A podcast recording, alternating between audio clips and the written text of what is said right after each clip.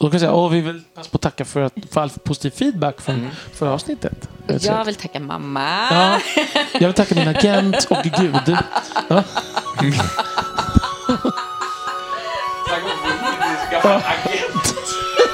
Ja, Jag har stigit oss åt huvudet. ja, ja. ja.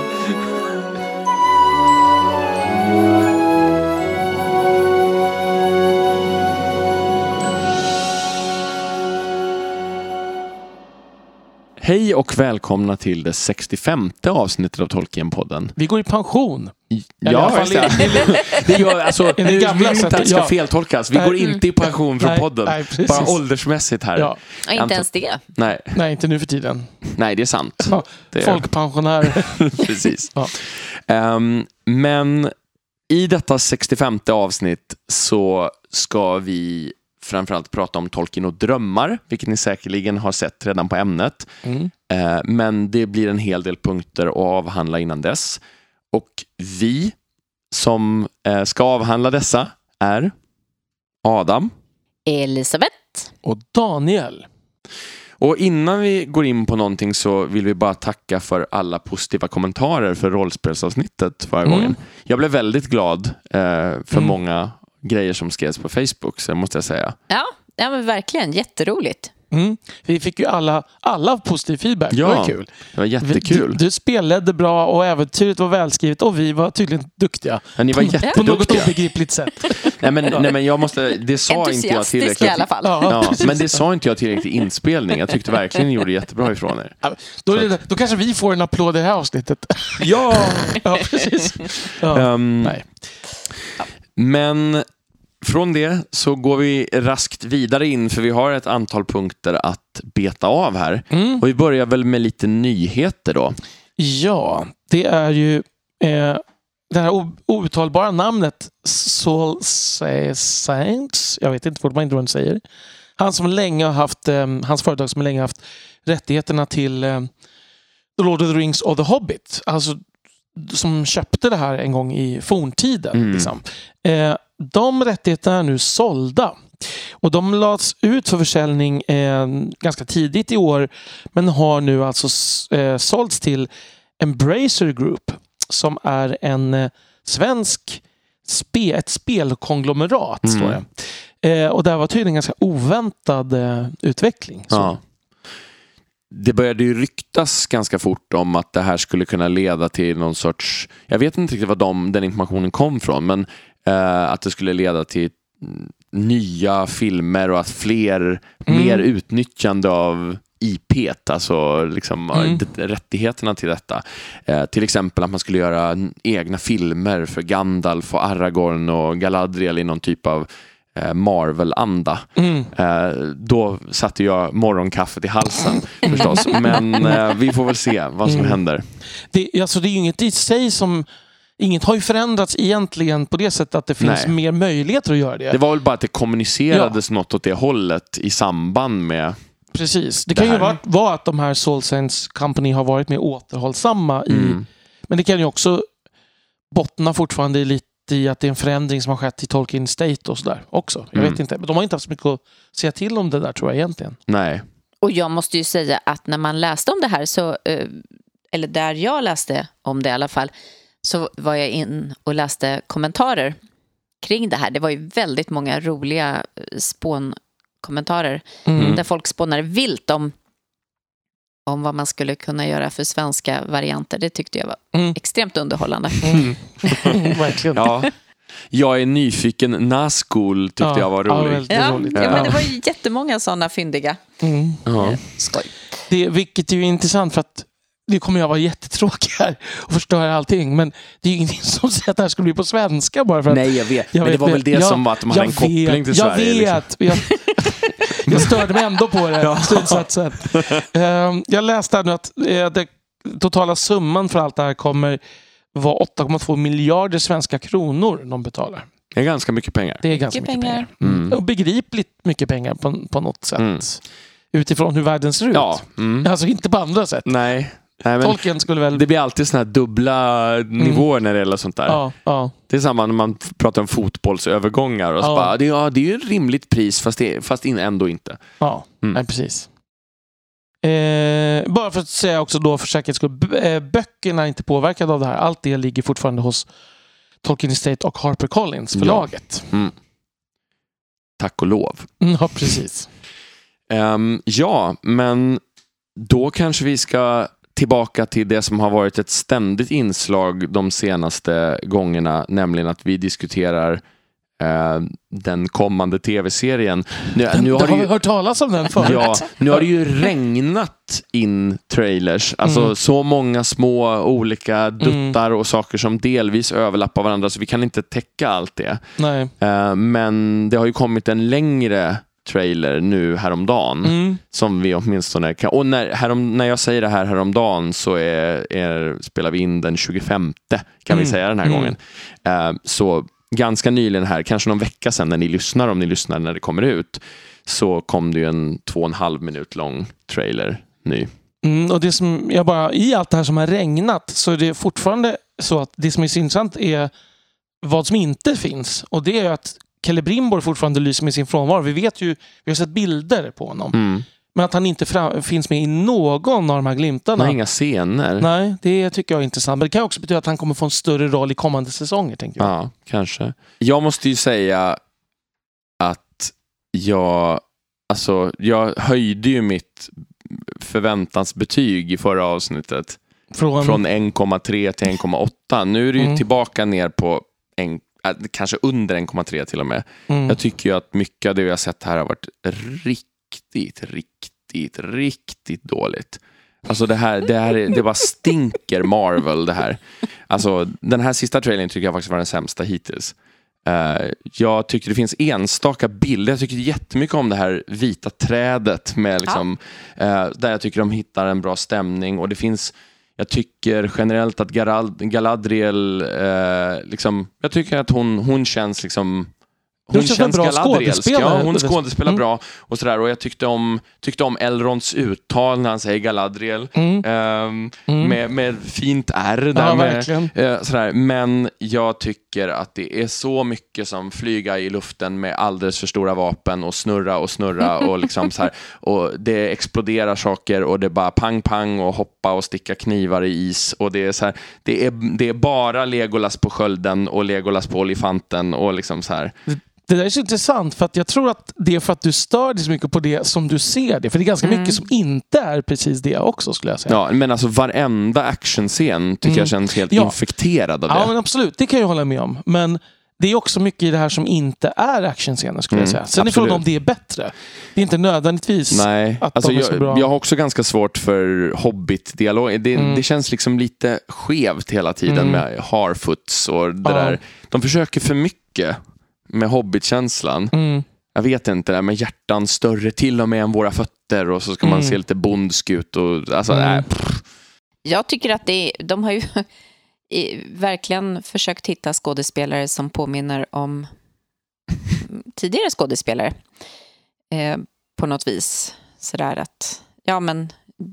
ja, Elendil och Aragorn. Mm. Elendil och Aragorn är ju extremt, eh, men, men även bland hobbitarna där så Och även han Halbrand, lite... också ganska lik Viggo Mortensen också. Mm. Den andra Skäggiga mannen. Som mannen. de, ja, Mm. Ja, mm. precis. Mm. Men sen så tänkte jag också på Hobbitan. Mm. Eh, Mm.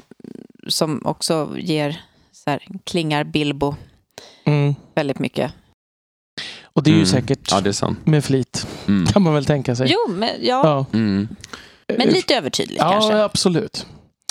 Jag håller med att det finns mycket fina bilder. Jag gillar, den här, I den här trailern gillade jag liksom skeppen som seglar in i, Mm. i hamnen också. Mm. Tyckte jag var, såg bättre ut. En del Ja. av det har sett lite väl datagjort Mm. ut tidigare. Ja, men det, det såg helt okej ut. Ehm. Det hå- håller jag med om. Men jag tycker det blir så, det är så svårt att bedöma för det bara susar förbi. Ja, Och ja. sen så är det andra saker som är mer i förgrunden i trailern Mm, som jag mm. blir irriterad på mer. Och, och sen måste jag bara säga, de här Ja. jävla, är det vargar eller är det liksom myrslokar med stora tänder? Vad är det för jävla skitdjur? Ja. Som, eh, alltså, vad är det? Alltså, de är ju sämre än hyenavargarna i The Hobbit. Ja, det är de verkligen. Nej, I The Hobbit var de ju okej. Nej, Men- nej, för i, ja. i eh, The Two Towers menar jag. De Förlåt. bästa vargar vi har sett Ja, var ju The ja, Hobbit. förlåt. Ja. Helt rätt. Det är Ja. bara att man är van vid att säga The Hobbit när man kritiserar saker. Nej, men... Det är helt rätt. Ja. Det är The Two Towers jag tänker på. Ja, Men ja. även, alltså, de här är ju klart sämre tycker jag. Ja, ja, vad, vad är det här? Nej, det liksom? ser inte ut som vargar alls. Om Nej. det nu är vargar. Det Ja. kanske inte är det. Nej, det är kanske en jävla Magic the Gathering-monster de har hittat på. Ja. Apropå monster, vad, vad är det som Galadriel stöter på där i vattnet? Ja, vi, vi skojade lite om att det var Fastito Kallon. Fastito Kallon. Ja. Daniel, Daniel får göra soundtracket till nästa säsong när sjömonstret gör. Kommer, kommer vara lite mer i centrum. Ja, precis. Ja. Ja, det skulle inte förvåna mig i och för sig. Alltså, det skulle de ju kunna slänga in. absolut. Ehm, Men det såg inte sköldpaddslikt ut. det Det, såg mer ut som någon men det havsdrake, finns ju det, lilla man krak. ser. Finns det inte en kraken? Jo, det finns en sån referens. Ja, ja, och det finns, men det finns också någon typ av formulering någonstans som pratar om sjö och djur och sådär. Mm, Som man skulle mm. bara kunna säga, Mm. vi har stött oss på det här och som Mm. bara uppfunnit någonting och gjort det till centralt. Det är den som sen hänger utanför Moria alltså. Ja, precis. Watcher in the water som flyttade in i, till, för, flyttade till förorten sen. Från in i city. Precis. Men eh, jag gill, jag, det är ju, alltså, det, jag tyckte inte att den här trailern var riktigt så var så oväntat. Mm. Riktigt lika dålig som du Adam. Mm. Eh, det jag tror att jag kommer gilla nästan mest här, det var det jag sett, det är faktiskt dvärgarna. Ehm, om man då bortser från det, alla problem vi redan har radat upp med Dorin och Dorin Mm. och allt det. Däremot gillar jag utseendet på Dorin den äldre där. Ja, men jag gillar utseendet faktiskt på Dorin den yngre också. Mm. Helt Ehm, okej. Och jag gillar att alltså man... Jag tror ju att, vad ska man säga, det här att få se se Casadum i sin glans dagar och, och när Elrond kommer att besöka och, och sådär. Alltså jag, jag har en känsla av att jag kommer gilla dem. Det känns som de tar dvärgarna på rätt sorts allvar. På, Mm. något, på något plan. Alltså, De För där- behöver ju lite upprättelse. Ja, men det behöver de. Mm. Men de, de, kan, de får inte heller bli, vad ska man säga, de måste ändå ha något dvärgiskt. Som till exempel inte Filio Keely hade i Peter Jacksons filmer. Mm. Eller för den, nästan inte Thorin heller. Nej. De, att de blev typ män, kortare människor. Men här Mm. känns Mm. dvärgarna Mm. väldigt dvärgiska. Mm. Men ändå inte som de komiska Nej. figurer. Liksom. Nej. Nej, det ska bli spännande, men det är ju så svårt att se vissa Mm. av de där. Det skulle bli intressant att se, för vi har ju fått lite antydningar om vad de ska försöka skildra kulturellt. Mm. Det finns ju någon, någon sång, vi kommer att prata lite mer om musiken alldeles strax, men det finns ju någon sång eh, som den Åkallan till stenen och sådär. Liksom. Så det känns som att de försöker bygga ut Mm. någon sorts kulturskildring och, och där får man ju se hur Mm. Det de- kan ju bli väldigt bra. Ja, absolut. Det, det kan också vara så att Djurgården vinner Europa Conference League. Ehm, det kan man ju hoppas på. Ja. Ehm, ja, det kan ju också bli bättre än boken. Jag skojar, mm, som jag råkade mm, säga. Precis. Ehm, Nu tycker jag vi ska ha den här diskussionen på allvar. Ja, ja. Inte säga sådana där saker. nej, nej, det är sant. Ja, Ehm, nej, men summa summarum så... Alltså jag har ju liksom landat i för så länge sedan att det kommer liksom inte vara det vi önskar att det skulle vara. mm, Så jag kommer bara sit back and enjoy the ride, förhoppningsvis. Om det inte liksom är uselt på alla plan. Liksom. mm. Så känner jag lite grann. Jag tror nu när man ser det så här, jag tror att produktionsmässigt så kan det inte vara uselt, tänker jag. Nej, med tanke nej. på vad vi ser nu. Jag tror bara att för mig, jag kan inte släppa det här med att vissa saker kommer vara så på tvärs mot det som man hade kunnat utgå ifrån. Mm. Och, in, Ja. alltså, och det hade fungerat jättebra. Mm. Och det kommer att störa mig så fruktansvärt. Sen så är jag lite orolig över en Över din tråd. hälsa. Ja, det, det är jag verkligen. Men jag är lite orolig över en tråd som du tog upp någon tidigare gång Daniel. Att det här med att det känns lite grann som att det är lite svårt att följa vad plotten Ja. faktiskt kommer att Ja. vara. Absolut. Och att den känns fortfarande vag efter sex trailers eller något sånt där. Mm. Ja, nej, jag håller med. Det är en oklar... Det finns en fiende som eh, sover men som har vaknat. Mm. Det är liksom... Jag vet inte. Det, det kanske räcker för dussin fantasy på något sätt. Mm. Men det räcker inte för tolken. Nej, men jag tänker om man, om man tittar på till exempel det jag tror att många hoppas på är att det ska bli någon typ av dramanivå som i Game of Thrones, att det ska finnas ett djup. Och då krävs det ju ganska avancerat skrivande för att Mm. liksom få till den typen av till exempel politiska intriger. Det behöver inte vara samma som i Game of Thrones, men liksom den nivå, det djup i dem som gör att det, handlingarna känns meningsfulla. Mm. Så att det inte bara blir någon är ond, nu ska vi klättra upp för ett berg för att lösa det här. Nej. Alltså, Jag hoppas ju framför allt att det verkligen är så att de har tänkt hela, hela vägen redan. Så att det Mm. inte är att de på något vis ska kunna... ad hoc-lösa grejer. Liksom. Ja, ja Mm. Det att det blir ju att en... man bygger på. Och det här, här kan vi plocka på lite grann. Eller oj, vänta Mm. lite, vi gör så där istället. Eh, för har de från början till slut, vilket de förhoppningsvis har, det finns ju ändå ganska mycket material att så här, referera till. Ja, Mm. ja. Ja. Mm. Ja. Men, ehm, men då kan det ju bli bra, tror jag faktiskt. Mm. Ehm, Det kan också vara så att... Jag skojar. Mm. Eh, nej, men ehm, vad skulle jag säga? Det var något specifikt jag tänkte på med, på den där tråden. ehm, med vart det ska ta vägen och sådär. För det känns ju som att de försöker knyta ihop de olika spelplatserna väldigt mycket. Alltså de placerar Galadriel på Numenor. Liksom på, de sätter Elrond bland dvärgarna. Mm. De placerar ut den här The Stranger, vem det nu visar sig vara. Ja, det finns nu rykten om att det är Gandalf trots allt. Ja, och Ehm. då, då får jag hjärnblödning alltså. Mm, mm, Eh, med hobbitarna. mm. Och ehm, det, det känns ju som att de försöker väva ihop trådarna väldigt tidigt. Så att det ska bli, så att det ska ges förutsättningar för en annan typ av, ja men kanske lite mer politiskt Mm. Mm. drama. Eh, vi får se hur det fungerar. Mm. Men det är ju tiden. Allting handlar ju om att de, hur de kommer förhålla sig till tidsaspekten. Hur mycket de kommer att trycka ihop. Mm. Eh, att det utspelas parallellt Mm. när det egentligen kanske inte gör det. Och Mm. om de kommer att lyckas att övertyga i så fall med det. Mm. För det, det kanske är, inte kommer att vara någonting som hindrar så mycket när allt kommer kring. För att man ändå kan se att det är rimliga, eh, rimliga saker som de för ihop. Eh, det kanske är så att de drar med att, att trollkarlarna kommer fast att det egentligen sker senare, men att de Mm. bara Ja, liksom jag menar rent om man redan har, har sl- slängt ihop 2000, 3000 år, så varför inte göra det till 5000? Så liksom, Ja, det, och, och, och jag vet ju att det är svårt att få dig att tycka att det händer med respekt, men Ja, det är därför att det inte gör det. nej. Ehm, det, det Där finns det även andra åsikter eh, i public service-anda. Ja. Ja, så man kan Precis. hitta på andra ställen. Ja. Ehm, jag tänkte på, um, det som jag tänkte på, med en, en oro jag har är, och det behöver inte vara så farligt, men det är ju så att vi har en, om vi ska se en lite mer konstnärlig aspekt här.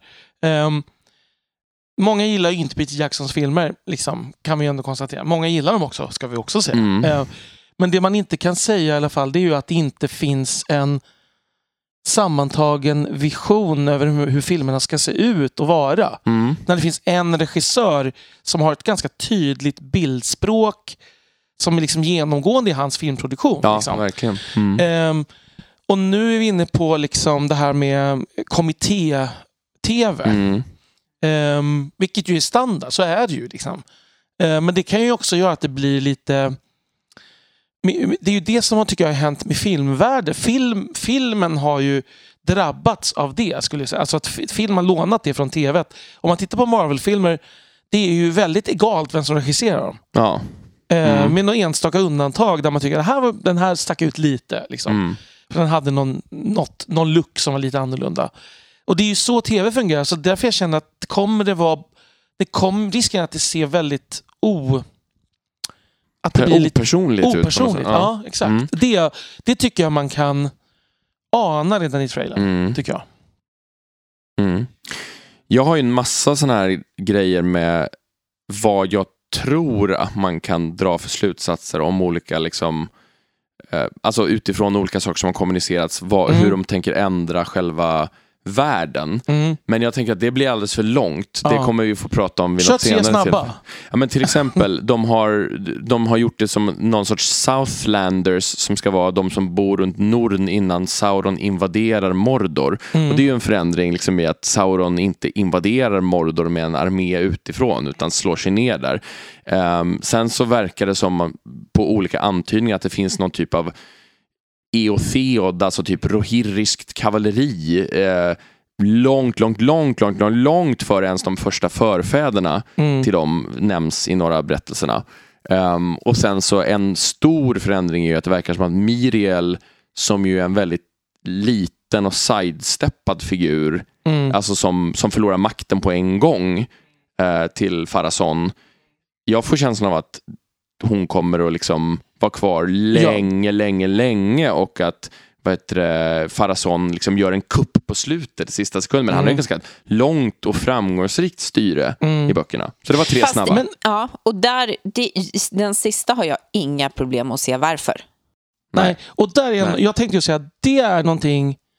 Det är en förändring jag kan Leva med. leva med och kanske till och med tycka är bra. Mm. För, att ge, för att ge den händelsen tyngd på något sätt. Mm.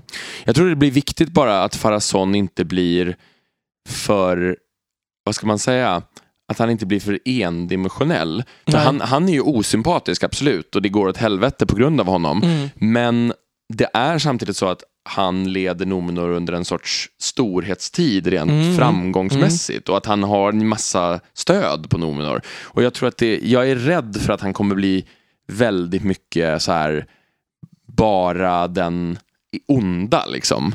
Eh, Jag får väldigt mycket sådana vibbar liksom. Mm.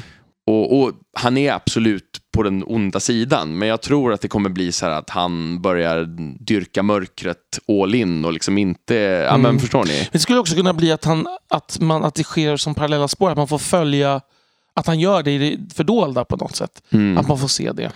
Och Ja, han, och, ja precis. Det, det verkar ju jobba mycket med så här Sauron-kulten och det där Mm, och försöka mm. ju, i en tidigare trailer. Det ska Mm. bli intressant att se dem tolka Mm. det. Om det där är Sauron så är det svårt det här med undernärd Eminem. jag jag liksom. tror inte att det är Sauron. nej, nej, vi hoppas det. Eh, jag tror Men inte vi har vem- fått se Sauron. Nej. Nej. Men vem är det då? Jag har läst eh, på Twitter att det, Ja, är, det att det sant. finns en skådespelerska, som, alltså en kvinna, Mm. som väl är väldigt lik den här personen. Så att, att det kan vara hon som är sminkad. Att det där är liksom Mhm. en kultledare. Snarare. Okej. Det kan vi hoppas på. Ja, vi, ja, vi får se. Jag, jag har sett väldigt olika, liksom olika mm, sidor som har skrivit här. Vissa har skrivit så är det inte och andra har skrivit att det Mm. allt pekar på och så vidare. Mm, Och mm. jag vet, det är lite oklart ibland vad folk stödjer sig på, varifrån de får informationen tycker jag. Alltså, men jag, kan, jag, jag, jag kommer inte äta upp någon sko eller hatt. Eh, det kan Nej. jag säga. Men jag kan säga med, att jag, jag är ganska säker på att de inte har visat Sauron i någon trailer. Nej. För Faktiskt. det skulle bli intressant att se så i så fall då om Sauron ska vara Anatar. Mm. Eh, liksom, hur tolkar man den här sköna, Mm. eh, tilltalande formen? hos Just det. Sauron. Mm. Som, för det kommer nog bli svårt. Alltså, Och, kom, och kommer tittaren att få... Alltså kommer det att bli som en liten... Ja, det blir ju ingen twist eftersom alla vet om det. Kanske redan. Eller en hel del vet om det. Men, Mm. men eh, Mm. att det inte liksom berättas. Jag har också hört teorier om att någon av de här som någon av de här så att säga, huvudpersonerna är Sauron egentligen. Alltså Oj. att det är någon som liksom, oj, oj, oj, Mm. oj, oj, oj. vi får se. Stackars Adam. Mm. Det, men det tror jag faktiskt inte. Jag tror inte det. Nej. Jag kan lugna dig där, Adam. Utifrån vad jag tror. Galadriel blir Ja. ja. ja. Då hade jag dött av blödande magsår här Ja, tror och så, jag. I Men, have a, vad sa hon? I have a hmm in me. I have a tempest Ja, in precis. me. Exakt. And the tempest name is Sauron. Ja. Och sen bara sliter av sig Ja, masken. Så. Exakt. Eh, alltså, den, den frasen, det är en av få som är lite klyschiga. Många, eller alltså, många är väldigt klyschiga, men det är en av få av de lite klyschiga fraserna som jag tycker levereras med pondus i den här trailern. Ja, men hon För- för gör det där bra, tycker jag. För hon, hon, hon kanaliserar liksom... Man tänker ju ändå, liksom, även om hon inte är yngre rent, vad ska man säga, men hon är ju mer oerfaren vid den här tiden. Mm, Eh, Att den Galadriel vi ser i Lord of the Rings har liksom lärt sig att tygla en del av mm, vad ska man säga, den där lågan som brinner mm. i henne. Så tänker jag. Ja, Mm. Vi får se om det blir så. Ja, det blir spännande. ja. Det blir roligt Adam, jag lovar. Mm. Nej, det kommer inte bli roligt för mig. Det blir spännande då. Ja, det är spännande kanske Ja. det blir, men inte Mm. roligt. Nej, okej. Ehm, men jag ska genomlida detta med, med försök till jämnmod. Det kommer inte gå så bra tror jag, men Ja. vi får se. Uh, Din, ja, eh, din fru får mata dig med godis. ja, precis. Mm. Det, klappa mig på handen. There, I'll kiss it better. ja, precis. Det, det är det jag föreställer mig. Stackars henne. Oj, oj, oj. oj. Ja. Ja. Mm. Men eh, på, på det här temat så har det ju också kommit någonting nytt. Och det är ju att soundtracket har släppts. ja. Ja. Ehm, av Bear McCreary Mm. ju. Till 95 procent. ja. Någonting sånt. Ehm, och jag var lite så här, ska man lyssna på det innan man sett? Men jo, det gjorde jag. För det gjorde jag, minns jag, med Return of the King soundtracket Mm. också. Ehm, så att det var lite intressant. Jag, jag är mycket mer positivt inställd till soundtracket än till trailerna, ska jag säga. Mm. Ehm, och Det ska bli intressant att se hur det går sen ihop. För jag tycker jag får inte de vibbarna av, av musiken som jag får av trailern Nej. överhuvudtaget. Men din, jag lyssnade på dem, apropå min fru, Ja. så, som har sett Outlander alla säsonger som Mm. Bear McCreary har gjort. Mm, Eh, mm. är, det McCreary eller Mc, McCreary tror McCreary, jag. ja, Tror jag. som han har gjort musiken till tidigare. Och Mm. det finns, jag tyckte att det finns ju vissa låtar som är väldigt, väldigt skotska. Mm, Alltså mm. det, det finns en tydlig keltisk ingång. Absolut. Och sen ibland så finns det något så här som jag tror är liksom hobbit-kopplade Mm. saker som är liksom, det blir nästan som någon sorts så karibiska inslag under det skotska. Mm, Att det blir så någon, Mm. och någon sorts trumrytmer Ja, som, ja. som känns allt annat än europeiska. Ehm, och sen finns det andra passager som låter helt annorlunda. Mm. Så jag tycker det är, det är ganska stor skillnad på olika Mm. spår. Alltså, ja. Han, har ju, han, har gjort, han gjorde ju musiken till Walking Dead också, som är ju helt annorlunda. Jag har inte Eh, sett någonting av det Nej, tyvärr. men, men du kan ändå tänka en zombieserie. Ja, ja. Har inte... Jag antar Ja. att det, är, det, är inte, det är så mycket stora stråkar och horn. Nej, nej. Mm. Man kan väl konstatera att den här musiken gör ju att man blir mer lockad av att se serien. Ja. Tänker Ja, jag. alltså jag är... Mm. Alltså, till att börja med, alltså, man kan säga så här. Howard, Howard Shore har ju skrivit liksom själva signaturmelodin som man Mm. sa förr i tiden. Eh, vilket gör att den blir lite apart, tycker jag. Mm. Ehm, och det blir också så här konstigt, för han jobbar ju inte så. Howard Shore jobbar ju med de här långa Ja. linjerna, så den känns ju helt frikopplad, tycker Mm. jag, från allting Mm. annat. Men om man ska säga, eh, lite så här kort, för jag har inte lyssnat jättemycket och vi kan djupdyka mer i det här sen. Jag, det finns ju saker som påminner om Howard Shore. Han, har försökt, han säger ju att han har försökt koppla, men, men att han också är medveten om att det här utspelar sig i en glansperiod. Medan liksom Howard Shores soundtrack utspelar sig i en efterdyning Mm. på väg mot ett utdöende. Mm. Liksom. Och det kan man liksom, äh, tycker jag höra. Mm. Att det här är mer... ehm, det finns lite mer liv i det på något sätt. Howard Shore är ju liksom mycket mer... Det finns ett vemod nästan rakt igenom allting. Mm. Liksom. Men eh, det som är likt Shore tycker jag att det, ibland när det blir så här långa mattorna och särskilt körerna tycker jag kan bli Jag, lika. jag tyckte det blev lite segt ibland. Alltså jag hoppade framåt i de passagerna. Att jag Ja. tyckte det bara, nu hände det ingenting på Nej, jättelänge. Men det kan ju vara för att det händer något på scen. Eller på, ja, på jag, jag, absolut. Det är ju Ja. jättesvårt att veta när man har lyssnat innan man har tittat såklart. Eh, men jag tyckte annars att det var mer lyssningsbart än Howard Shores musik. Alltså som lösa låtar faktiskt. Mhm. Eh, för att de var korta. Alltså, det tycker jag är en stor skillnad om man liksom lyssnar framförallt första halvan av soundtracket. Jag undrar om det liksom är någon så uppradning av ledmotiv och sen blir det mer filmmusik i senare. Okej. Mm. För att de är så här tre minuters låtar typ. Med, eh, och, som har en, och det är liksom en stor strukturell skillnad. Att det är typ en vers och refräng. Nu pratar jag inte med text alltså. Nej, Utan, nej, nej. Ehm, som sen upprepas med lite pampigare instrumentering bara. Det är liksom inte det här flödet. Eh, Mm. och det säger jag liksom, det är ingen kritik, utan bara en helt annan... Man märker att han har ju sin ingång från pop och rock-världen, tycker jag. Ja. Så att det, et, det etniska som du sa och de här... Och trum, alltså överlag, liksom rytmen är mycket mer... Liksom kommer från någon slags så här etnopop-värld, tycker. Ja. Jag, jag vet inte, den här musiken som låg i början av trailern, ni Ja. vet, eh, där, där man liksom ser, det är olika repliker och alla vänder sig mot kameran och Ja, där ja. Dorin vänder sig om och sådär. Den hade jag lite svårt för. Jag vet inte om Jag den... tror inte den var med nej, på för, soundtracket. för den lät som en poplåt, Ja. alltså rakt igenom. Det är möjligt att det kommer en... Men jag tror att det var en sån här trailermusik. Ja, precis. Jag hoppas att den inte är med i Ehm. själva...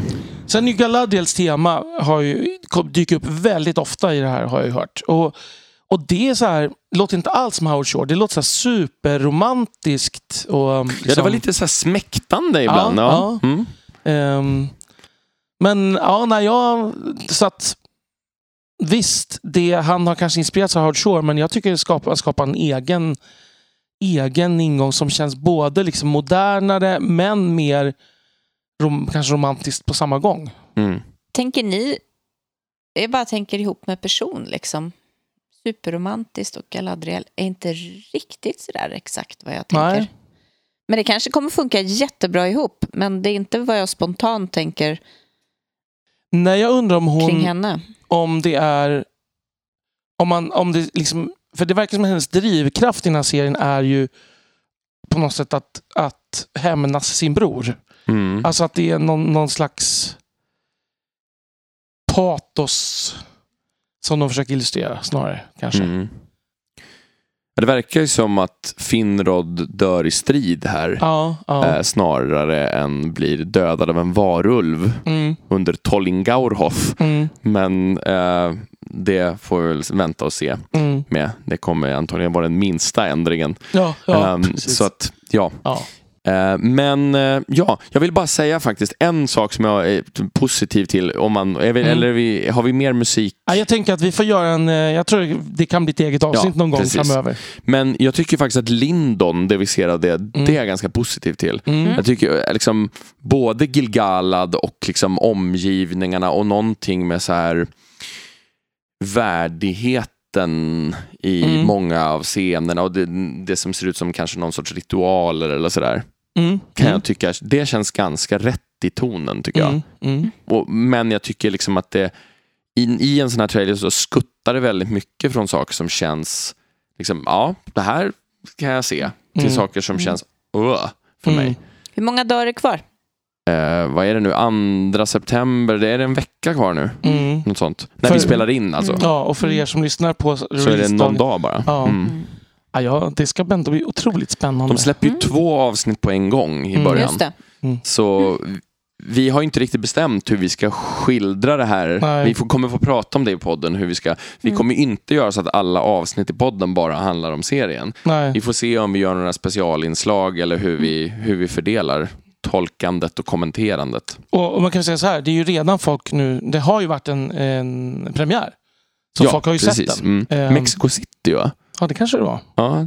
Jag vet, jag, vet, jag har ju sett massa som folk alltså här som har sett det nu. ja, men jag tyckte jag såg att Mm. det, det var Mexico Mm. City. Då borde man kunna vänta sig ganska snart någon slags recensioner misstänker jag. Ja. Mm. Mm. Vi får se. Ja. Bäva månde Adam. ja, Mm. Ja. ja, jo, det har jag gjort ett tag redan. Mm.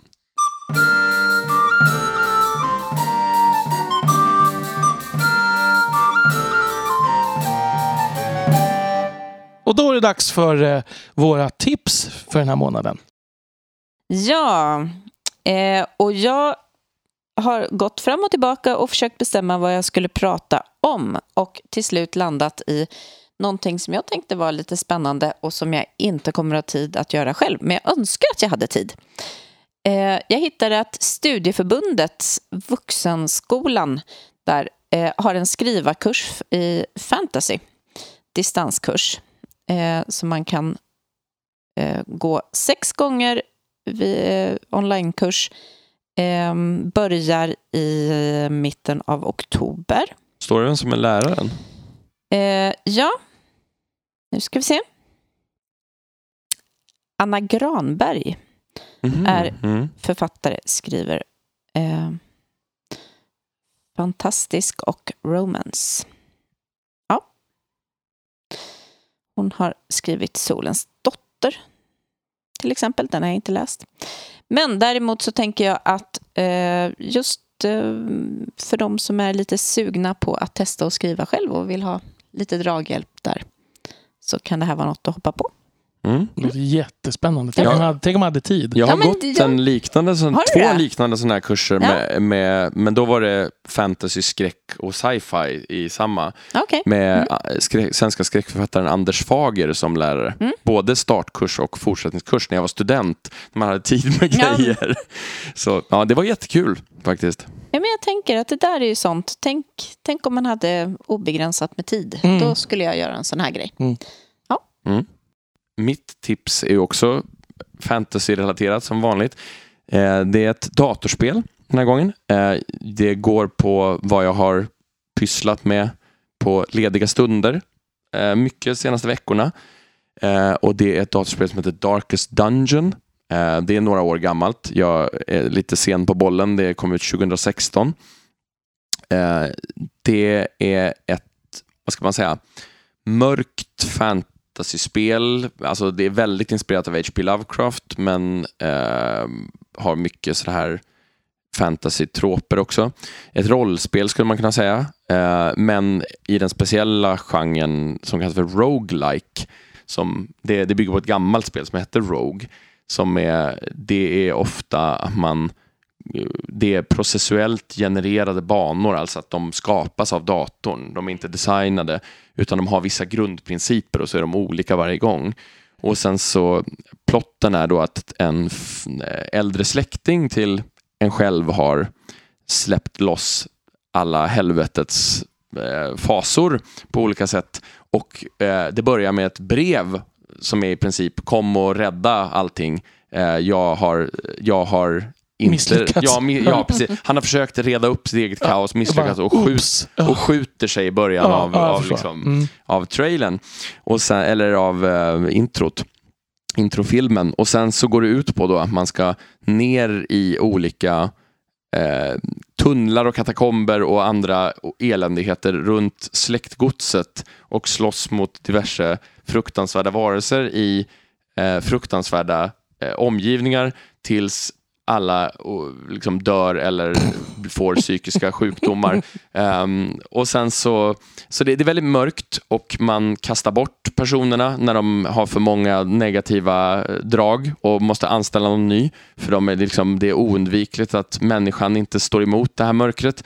Och sen så, vad heter det, ehm, så, men det bästa med det här spelet, förutom att det är djupt strategiskt och det är väldigt liksom, stämningsfullt i färg och sådär, är att de har en fantastisk röstskådespelare som är den här förfadern som liksom kommenterar allt man gör. Jag visade Daniel lite tidigare idag. Mm, en härlig röst. Ja, Mm. eh, det, det, han är så bra. Det gör allting jättemycket bättre. Um, men det, det bygger väldigt mycket på liksom det här att personerna får olika personlighetsdrag utifrån vilka trauman de genomlider och sådär. Mm, Och det, mm. vilket också påverkar spelet. Mm. Um, beroende på vad som händer med dem. Liksom och så. Men lätt beroendeframkallande för det är, det är ganska svårt och det finns ett strategiskt djup liksom, där man blir bättre och bättre när man förstår mer om Mm. hur det fungerar. Så, Härlig slit och släng-mentalitet kring personer då. ja, men det är mer så här, det finns ju någon typ av antihjältegrej där, att det är så här att de kan inte de är inga Aragorn. De kan liksom inte vinna. Det går inte att vinna ensam mot mörkret, men de offrar sig i liksom eh, den, den långa, långa striden. Och det är alltid sån här, det finns en väldigt så cynisk kommentar där liksom när Many will fall but there will always be new heroes on the stagecoach. Liksom så. Så att det, det, det kommer alltid gå liksom gå, ge sig av ner igen. Mm. Ehm, men väldigt bra, eh, tycker jag. Eh, men man får inte vara sådär att man vill att spel ska vara lätta, för då, Mm. Då är det fr- lätt frustrerande. Mm. Så. En gång till, vad heter det? Darkest Dungeon, Mm. utgivet av Red Hook Studios 2016. Mm. Spännande. Ja, men och mitt tips blir, kan man säga, en liten överledning till vårt huvudtema som var drömmar. Kanske ni hunnit glömma nu för jag pratar om så mycket annat. Ehm, och det här är ju, eh, ja, inte helt överraskande på sätt, det kanske det är, men eh, det är ju tv-versionen då av The Sandman. Ehm, jag har ju pratat om The Sandman tidigare, ehm, både som Tolkien-tips och tror jag när vi pratade om böcker faktiskt. Mm. Ehm, och det är ju Neil Gaimans serie... Alltså det började ju som serietidning och sen har det liksom samlats i seriealbum och, och fått mer av en, vad ska man säga, fick väl mer av en eh, genomgripande story vart efter det Mm. gick. Och det var liksom en, det är ju en DC Comics-karaktär från 70-talet som han valde att göra något helt nytt av då i slutet. Det finns liksom ingen, inget kvar av original Nej. figuren. Så från 80-talets slut till mitten på 90-talet ungefär gjorde han de här böckerna då. Eh, och nu har det kommit en tv-version efter många om och men och många försök eh, med många bristfälliga manus. Eh, har det nu gjorts en eh, version på Netflix.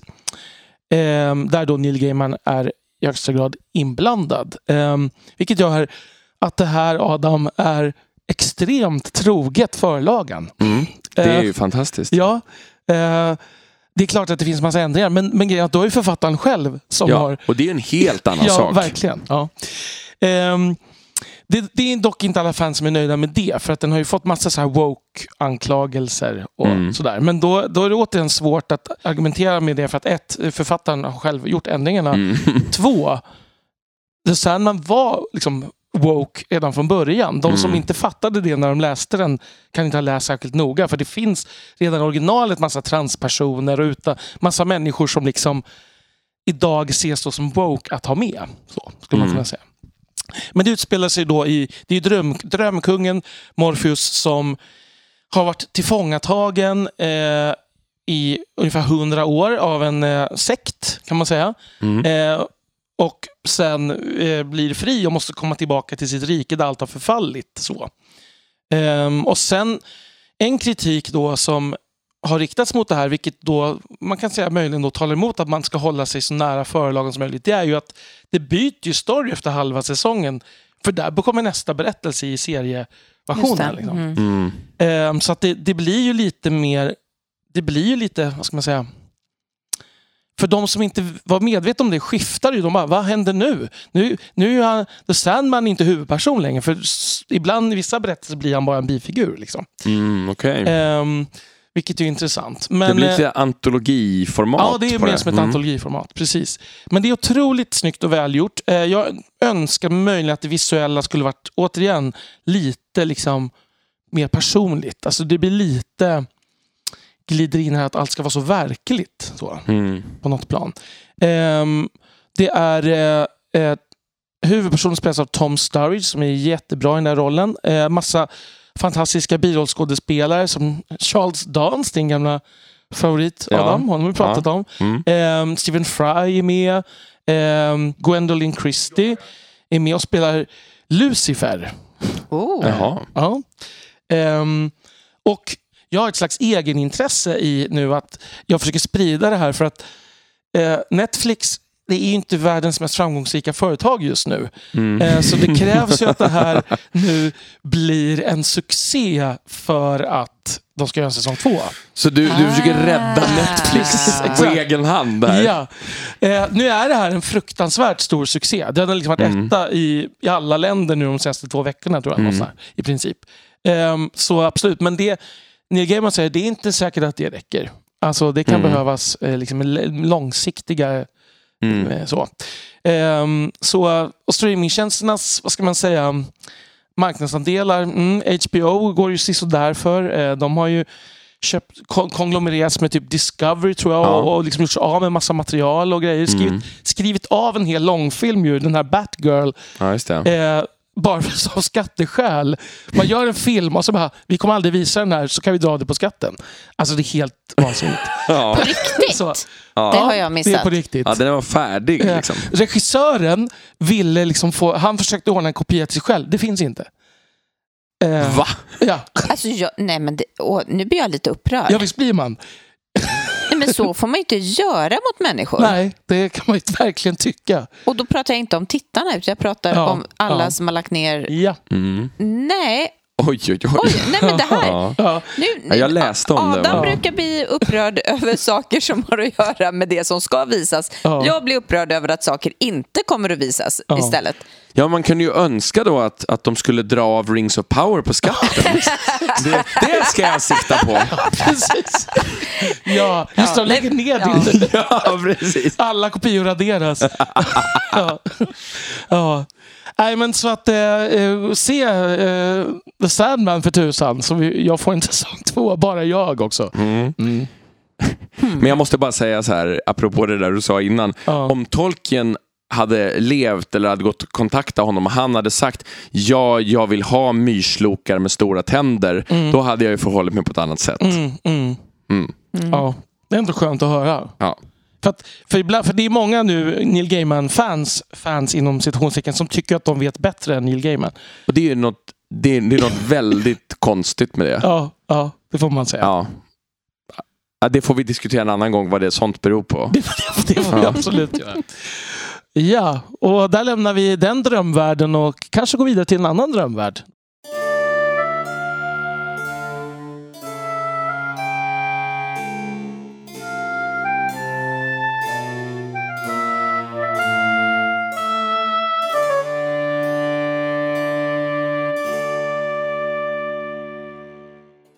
Ja, då har vi kommit fram till dagens tema, vilket är tolken och drömmarna.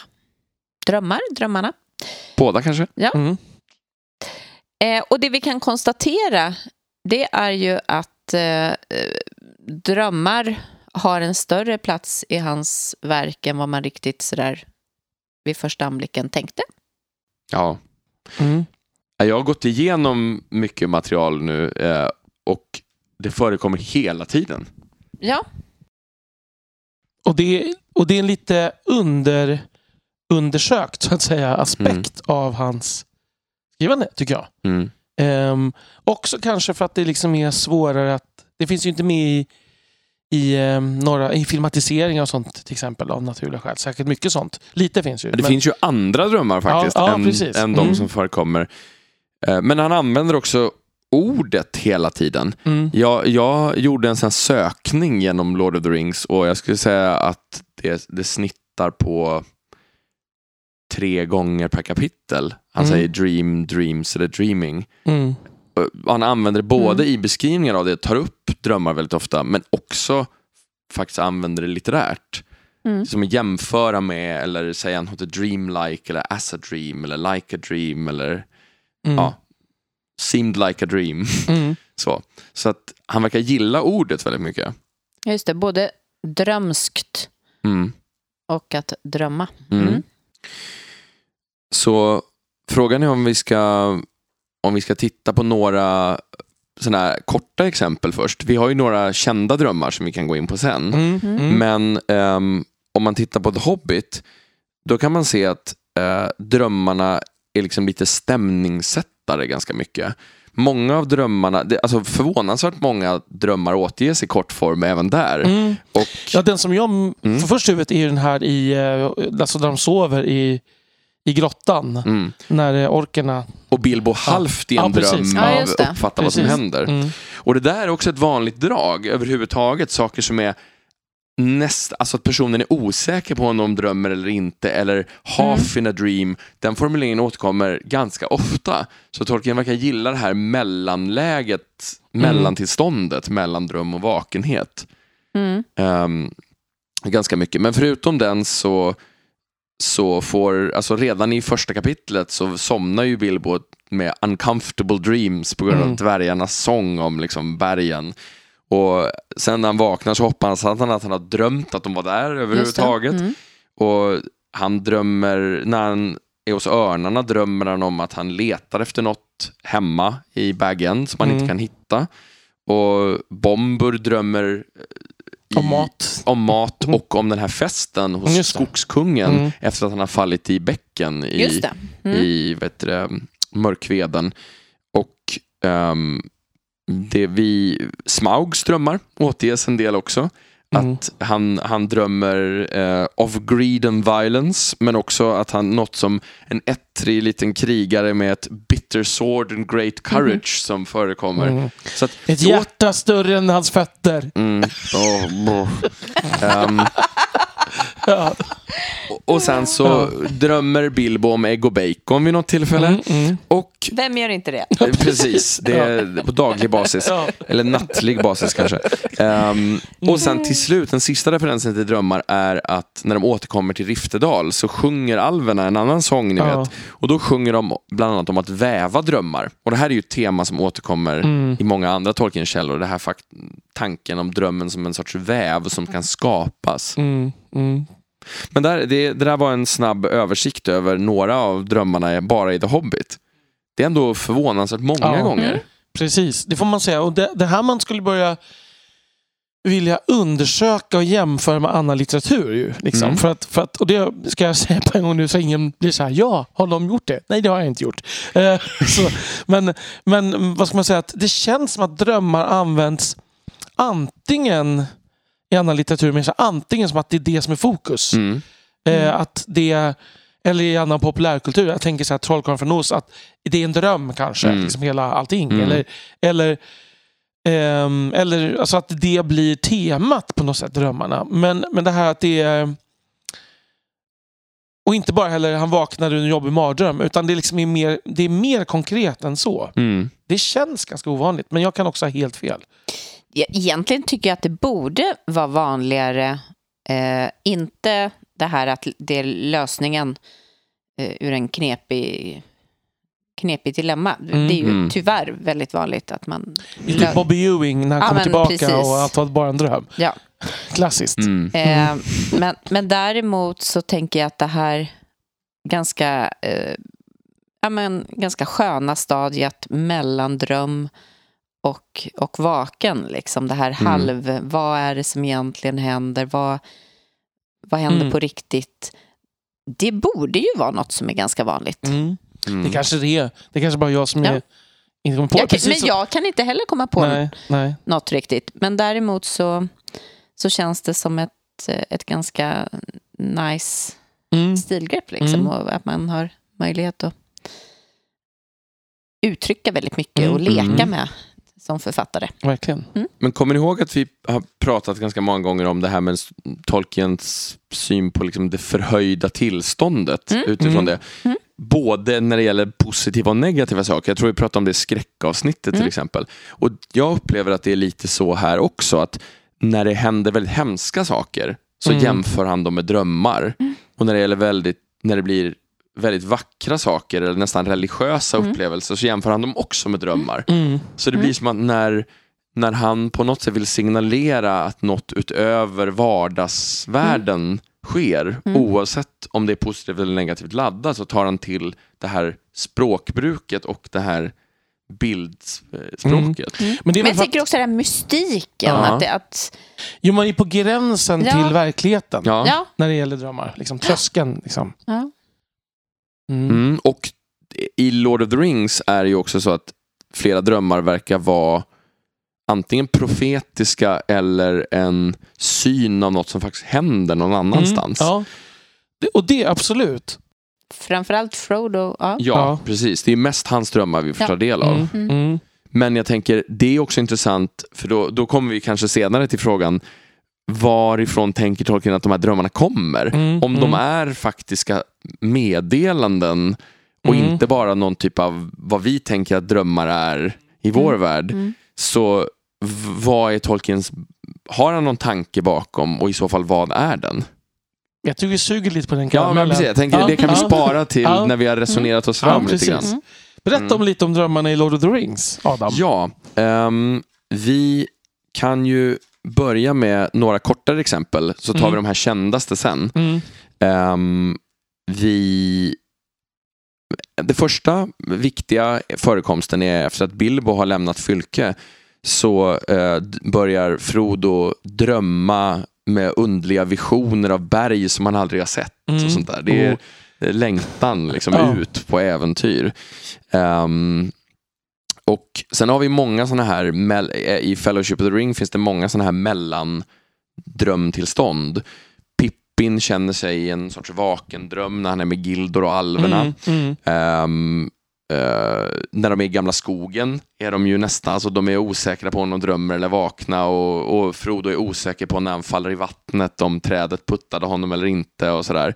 Ehm, och vi har um, Mary som i, när de har varit i Kumlet har drömt om ett överfall från någon sorts Angmar-allierade krigare. Han säger männen från Karndom, Mm. spjutet i mitt hjärta. Han har liksom sett visioner av att han är någon annan Mm. och glömmer bort, Mm, vänta vad mm. säger jag? Så här. Mm.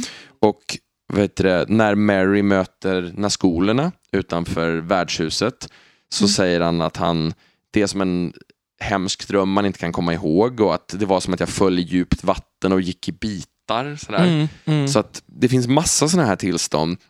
Det är efter knivhugget på, på Weathertop så har så drömmer, så är Frodo i en sorts mörk dröm.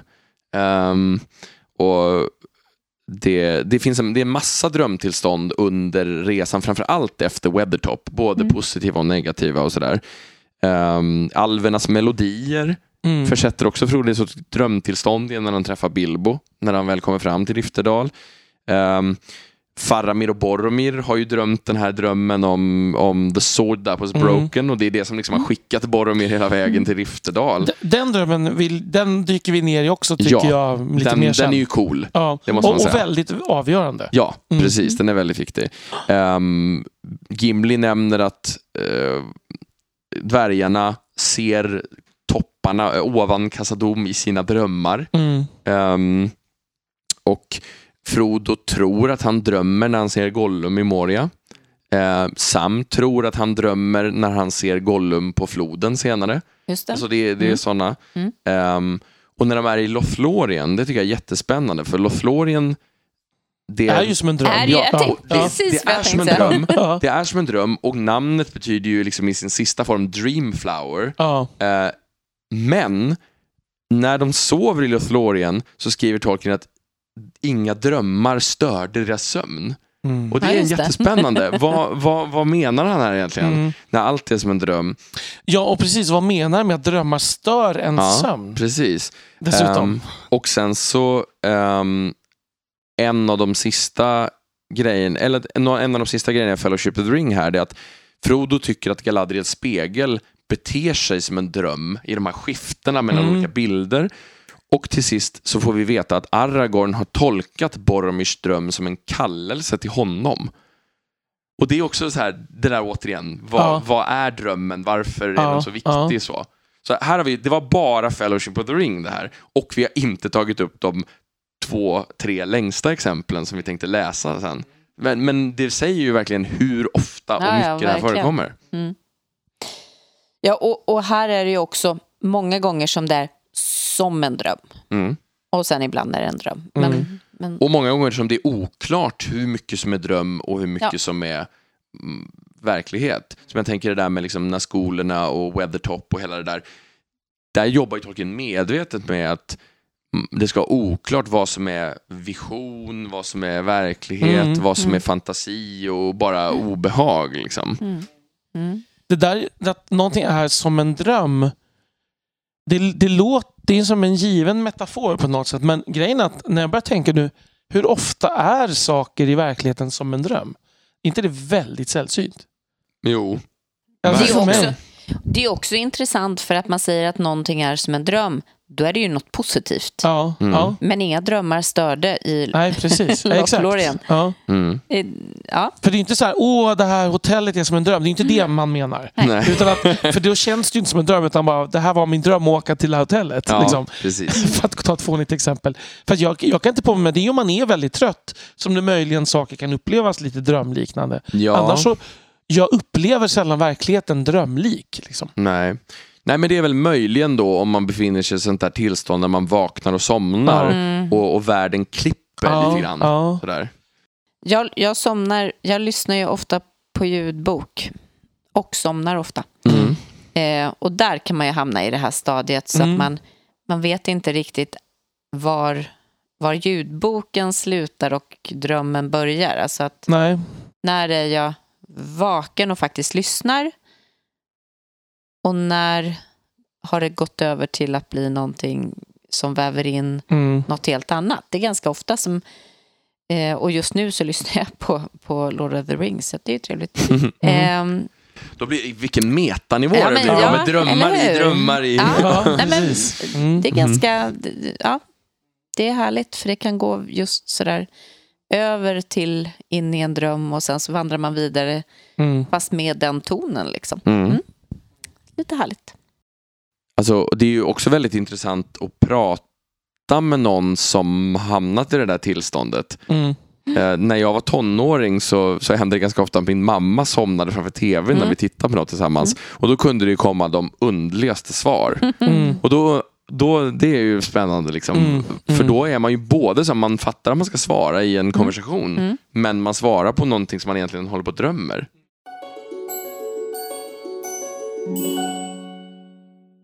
I The Two Towers har vi flera exempel med Legolas. Att han liksom tar in Rohans ryttares ridande över slätten långt borta medan han drömmer. Alltså, I drömmen står det liksom att han gör det här.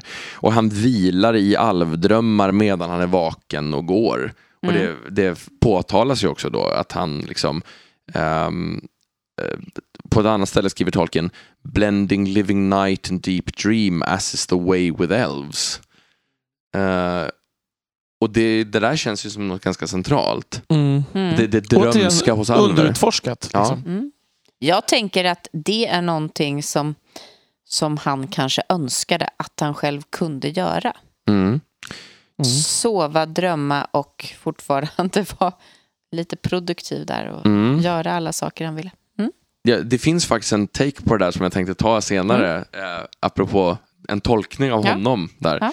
Ehm, men ehm, sen så har vi, vi har en massa korta exempel från The Two Towers. Eomer säger då när de, att de tre vandrarna har dykt upp plötsligt ur drömmar och legender. Mm. Um, vi, att Treebeard sjunger ju om enten och entiskan, om the dreams of trees, det här att träd kan drömma. Um, när Theoden vaknar ur Grimas makt så säger han Dark have been my dreams of late. Ni vet den här klassiska Mm. kommentaren. Um, och, då, och Gandalf påtalar strax därefter att Grima hade, har vävt in faror i Theodens drömmar. Apropå det här med att väva drömmar. Mm. Ehm, Som ju känns som någon slags fornnordisk Ja. aspekt på det här. mm, Liksom. Precis, i alla fall mytologisk. Ja, ja. Ehm, sen Gimli, när han berättar om Aglarond, jämför det med en dröm. Um, återigen det här med något förhöjt. Liksom. Eh, och Sarmans röst försätter de åhörarna i ett drömtillstånd. Och det är de väck, väcks av Theodens kraxande kråkröst när han avfärdar det här. Lite mer som trans. Ja. ja. Precis. Eh, Döda träsken beskrivs som drömlika och att de nästan går i någon sorts dvala eller så här. Mm. Ehm, och Frodo är nästan ständigt som i en dröm där. Eh, flera tillfällen här, det här när de, den långa vandringen så är Frodo i nästan sorts drömstillstånd. Um, vi har ett tillfälle att Gollum ligger och rycker spastiskt i någon sorts secret dreams som det står då. Um, Faramir har ett tillstånd som, där han säger att han drömmer men ändå inte när han ser Boromir i båten färdas förbi i Just Boromirs likfärd. Mm. Mm. Ehm, och Faramir pratar också om liksom, den illusoriska freden i Ethilien. Mm. eh, där han säger the land dreams in a false peace. Så här är liksom själva landet som drömmer. Mm. Sam har en stressdröm om att han också letar efter någonting i Bag som han inte vet vad det är. Och att han ska fixa trädgården som har blivit invaderad av en massa ogräs. Ehm, Värsta mardrömmen för en Precis, trädgårdsmästare. precis. Och vi har också den här citatet som vi har tagit upp tidigare, så ett av våra favoritstycken. Ni vet de här konstiga blommorna som växer nedanför Minas Morgul. Mm. Och där står att de är demented forms in an uneasy dream. Ja, just det. Ehm, Mm. Och Shelob beskrivs som horrible beyond eh, horrible beyond the horror of an evil dream. Alltså hon är värre än en mardröm. Ehm, när, när Sam undflyr orkerna, när de passerar förbi honom, ni vet, när han sätter på sig ringen, så beskrivs orkerna som att de är drömmar om fruktan som passerar förbi. Oh. Alltså att de, de är som otydliga och vaga sådär när de bara Dreams of fear tror jag det stod på engelska, eh, om jag minns rätt. Ehm, ja, intrycket fortsätter ju Mm. På flera av de här punkterna. Mm. Kan vi hoppa tillbaka då till Mm. den här eh, när Faramir ser, eh, ser honom i båten. Mm. Hur tolkar ni det? Jag tolkar det som att man inte, alltså för, för Far, det Faramir säger, han säger att det var som att det var en dröm, Men det var men en- ändå inte Mm. för att jag vaknade aldrig. Nej. Mm. Jag bara fortsatte leva på efter det. Men samtidigt kan det ju inte vara... Nej, Nej. precis. Jag tänker ju att det är någon typ av vision eller Mm. uppenbarelse som bara liksom lägger sig som ett filter över verkligheten. Jag tänker att det är den här känslan av att jag önskar att det var, det var, är som en dröm, jag önskar att det var som en dröm, men det vill säga en mardröm. För att jag vill inte att han ska vara död.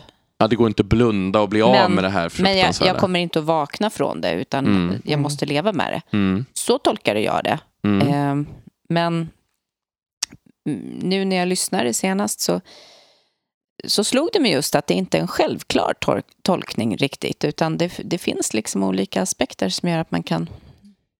Ja, för jag tänkte precis apropå det, den här drömmen som du nu tog upp så fick jag liksom bilden att det går att kategorisera de här drömmarna lite olika. Mm. Vi har de här drömmarna som är någon slags som, alltså vision av någonting som faktiskt har hänt eller kommer hända eller Mm. händer under tiden. Mm. Någon sorts nästan liksom meddelande drömmar Ja, eller exakt. profetiska drömmar. Något Precis. sånt. Ja. Så finns det de som är där, där man då hamnar i det här mer alviska drömtillstånds Mm. Där man är på gränsen mellan dröm och verklighet som är någon, känns som en annan typ av dröm. tycker jag. Ja. Där man liksom inte vet vad, vad är dröm och vad är verklighet. Mm. Ja. Och det, det är någon sån här avslappnad meditationsnivå. Liksom, Ja, där men man precis. Och- Men, släpper allt. men, också, men också att det är så att man... Det här kommer jag komma in på mer, men det är också som att när man är i det tillståndet ser man kanske saker tydligare Mm. än om man är helt vaken. Liksom, Mm. På något märkligt sätt. Precis, det, det viktiga framträder när Ja, vardagen ja. bleknar kanske. Precis. Mm. Eh, och det är kanske därför de då inte drömmer i Loth, kanske är just därför de inte drömmer i Lothlorien. Därför de redan är i det ja, tillståndet. precis. Mm. Mm. Ja, eh, och sen så är det ju jättemånga gånger som det används så här, medan Pippin och Mary är fångade av orkerna så är det de vaknar hela tiden ur mörka och oroliga drömmar. De ord som dream shadows, evil dreams, black dreams Mm. staplas på varandra där. Mm. Där liksom vi inte får någon mer information men där liksom allt det här fruktansvärda används som förstärkande. Samma sak som Shelob, att hon är värre än en mardröm. Mm. Att blommorna Mm. vid Minas Morgul är så, så hemska som att de kom ur en hemsk dröm. Mm. Det, han använder det också som, ett, som en hävstång för att få, få kraft i beskrivningarna. Mm. Mm. Verkligen. Mm. Och där blir just mardrömsaspekten är nästan en det är ju nästan ett, yt- ytterligare ett spår. Liksom. Mm. Att för mardrömmarna de drömmer är ju det känns mer som jag upplever att mardrömmar är Ja, än att jag upplever såna här drömmar som man pratar om. mm. Ehm, precis. Det kanske är olika liksom, kategorier för honom också. Mm. Men han använder ju generellt, han skriver dream mycket ofta, alltså evil dream eller dark dream, black dream mycket oftare än nightmare. ja, Så. precis. Mm. Så han använder ändå samma terminologi där. Mm. Ehm, vi, vi spurtar snabbt genom Return Ja. of the King då, Ja. eller highlightsen Yes. där också. Mm. Ehm, Pippin har sovit i en liksom, dream of movement framför Gandalf där. Liksom att han Mm. har liksom tagit in ritten i någon sorts halvtillstånd, Mm. halvdrömstillstånd. Vilket känns väldigt realistiskt. Ja, verkligen. Ehm, och Lite som när man sitter bredvid den som kör Ja. bilen. när man var liten och satt Ja. i baksätet. Och, ja. Ja. så. Eller Men- när eller man in- som vuxen Ja. också sitter. Ja. bredvid.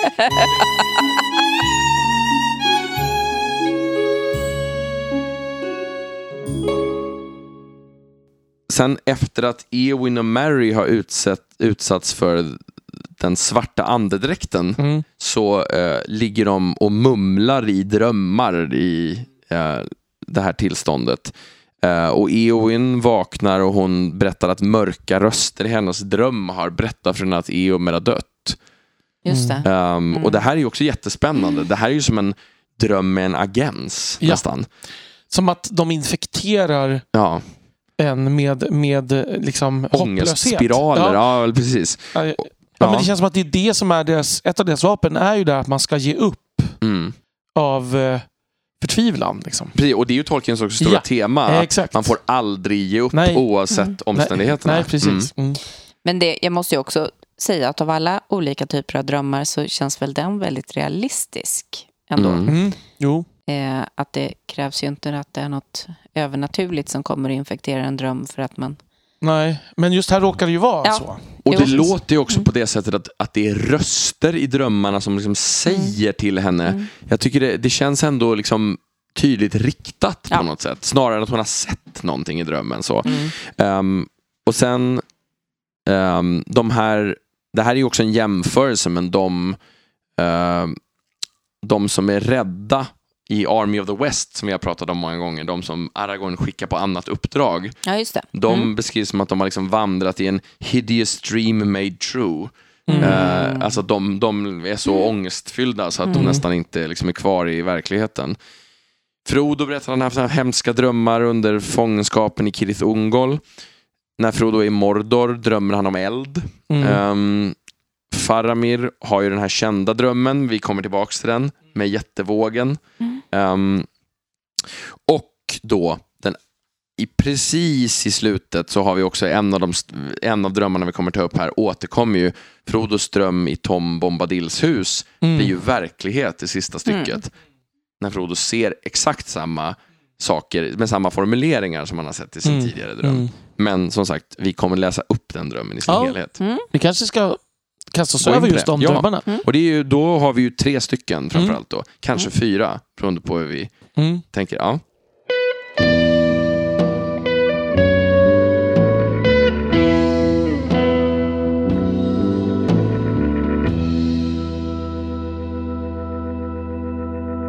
Den här första drömmen är ju i Krikdala, alltså Crick Hollow, eller Krickegryt som väl Olmark kallade det, när Frodo drömmer där innan de har gett sig av. De är fortfarande tillsammans med Fatty Bolger innan de har gett sig in i gamla skogen. Här.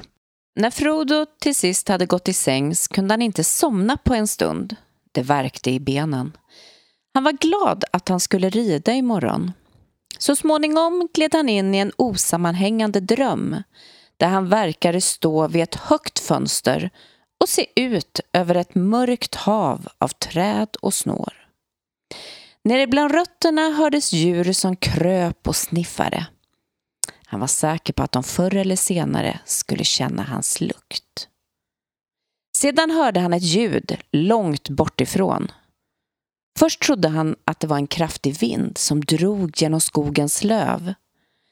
Sedan förstod han att det inte var löv utan ljudet från det fjärran havet, vilket han aldrig hört i vaket tillstånd, men ofta nog i oroliga drömmar. Plötsligt var han ute på öppen mark. Det fanns trots allt inga träd.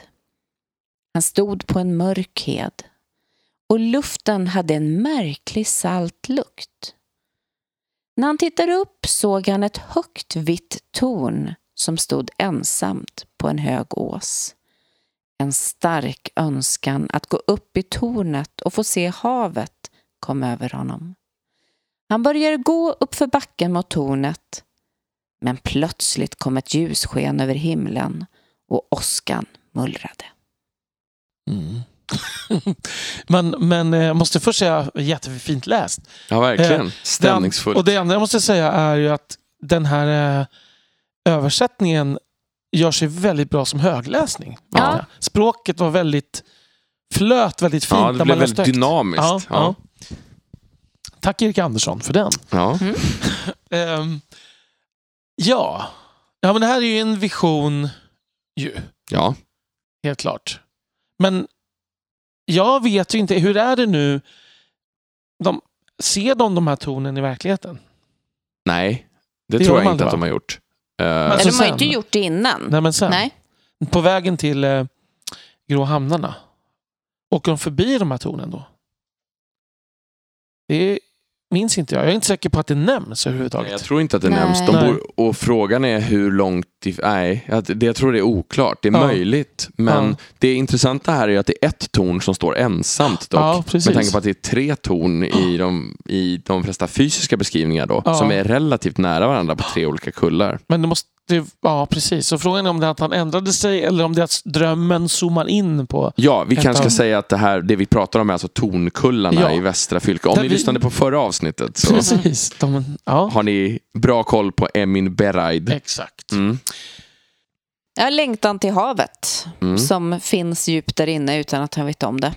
Jag tänker att det är intressant med det där första. Jag Mm. tänker att det är gamla skogen, alltså det är någon Mm. sorts, att han vet att han ska in i gamla skogen. Också det här med de här som kryper i snåren och att han snart, det undrar jag om det är liksom jakten, det här att Mm. han vet att snart kommer de att upptäcka honom. Mm. Att det, det är Mm. någon, den typen av dagsrester och sen går det över i någon sorts annan längtan Mm. istället. Ja, precis. Det går från oro till ja, men en annan typ av oro. Men, Mm. men en, Mm. eh, en... Rastlöshet kanske eller något. Ja. Ja. Sökande. Ja. Här är ju Frodo lite så här följa hattifnattarna i, Ja. i stämningen.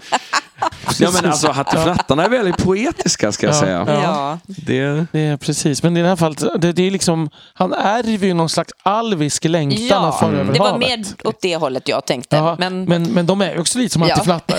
Ja. Nej, men alltså det, Ja. man kan skratta åt det men jag tycker faktiskt att det finns en parallell Ja, mellan alverna och hattifnattarna. Ja. Ja, men jag håller med. Säkert. Det var bara Ja. Framförallt att de är oväntat att det var elektriska. dit du drog. Ja. Legolas hår när man kammar det blir så elektriskt. Det, det är en av de här uppdelningarna i Silmarillion som vi aldrig har gått igenom. Electric Elves. Ja. Ja, el, el där. Ja. Ja. Ja. Ja. Ja, jättelavar ja. Ja. Ja, det var jätteroligt faktiskt. Ja. Mm. Mm, ja. Det, var, det var nästan lika bra som Mellon. Ja, nästan. me- Precis. ja, Ja. Mellon. Eh, ja, men, men, men jag tycker det är väldigt det är väldigt fint på något sätt ändå. Man, Mm. Jag tycker det är också spännande med heden här. Mm. Ja. Det, det, det är ett Ja. ord som jag inte liksom associerar till sammanhanget annars. Nej. Nej. Nej, alltså jag tycker det är intressant att det kommer liksom som små överraskningar i den här drömmen. Hur den går från det ena till nästa del och så landar i, i, i havet på Mm. något vis. För att man anar inte att det ska landa i, i, i förrän det här s- salta doften dyker Mm. upp där. Mm. Eh, utan att jag tänker först, i, i, eller ja, för länge sedan när man läste det för första gången. Eh, mer att det handlar om eh, någonting som han drömmer om som är, är relaterat till den här vandringen liksom nu inledningsvis Mm, på något mm. vis där. Eh, och, och sen plötsligt så blev det just den där alviska tonen som jag Mm. Mm. snarare relaterar det till. Och man undrar ju om det här är en riktig dröm också. Mm. Därför att det har ju de här skiftena och det, det här med åskan i slutet är inte heller så tydligt symboliskt. Man undrar Nej. liksom, vad, vad betyder åskan i sammanhanget? Mm. Nej men eller hur? Till exempel. Ja. Så. Ja, är Manua inblandad här? Nej, men jag, och Mm. jag tänker att kan det vara så att han blev störd i sin dröm av den där åskan? Mm. Att det var den som Ja. gjorde att han inte spånade vidare där? Utan, Kan det vara? Ja. Mm. Ska vi gå vidare till nästa av de här kända drömmarna då?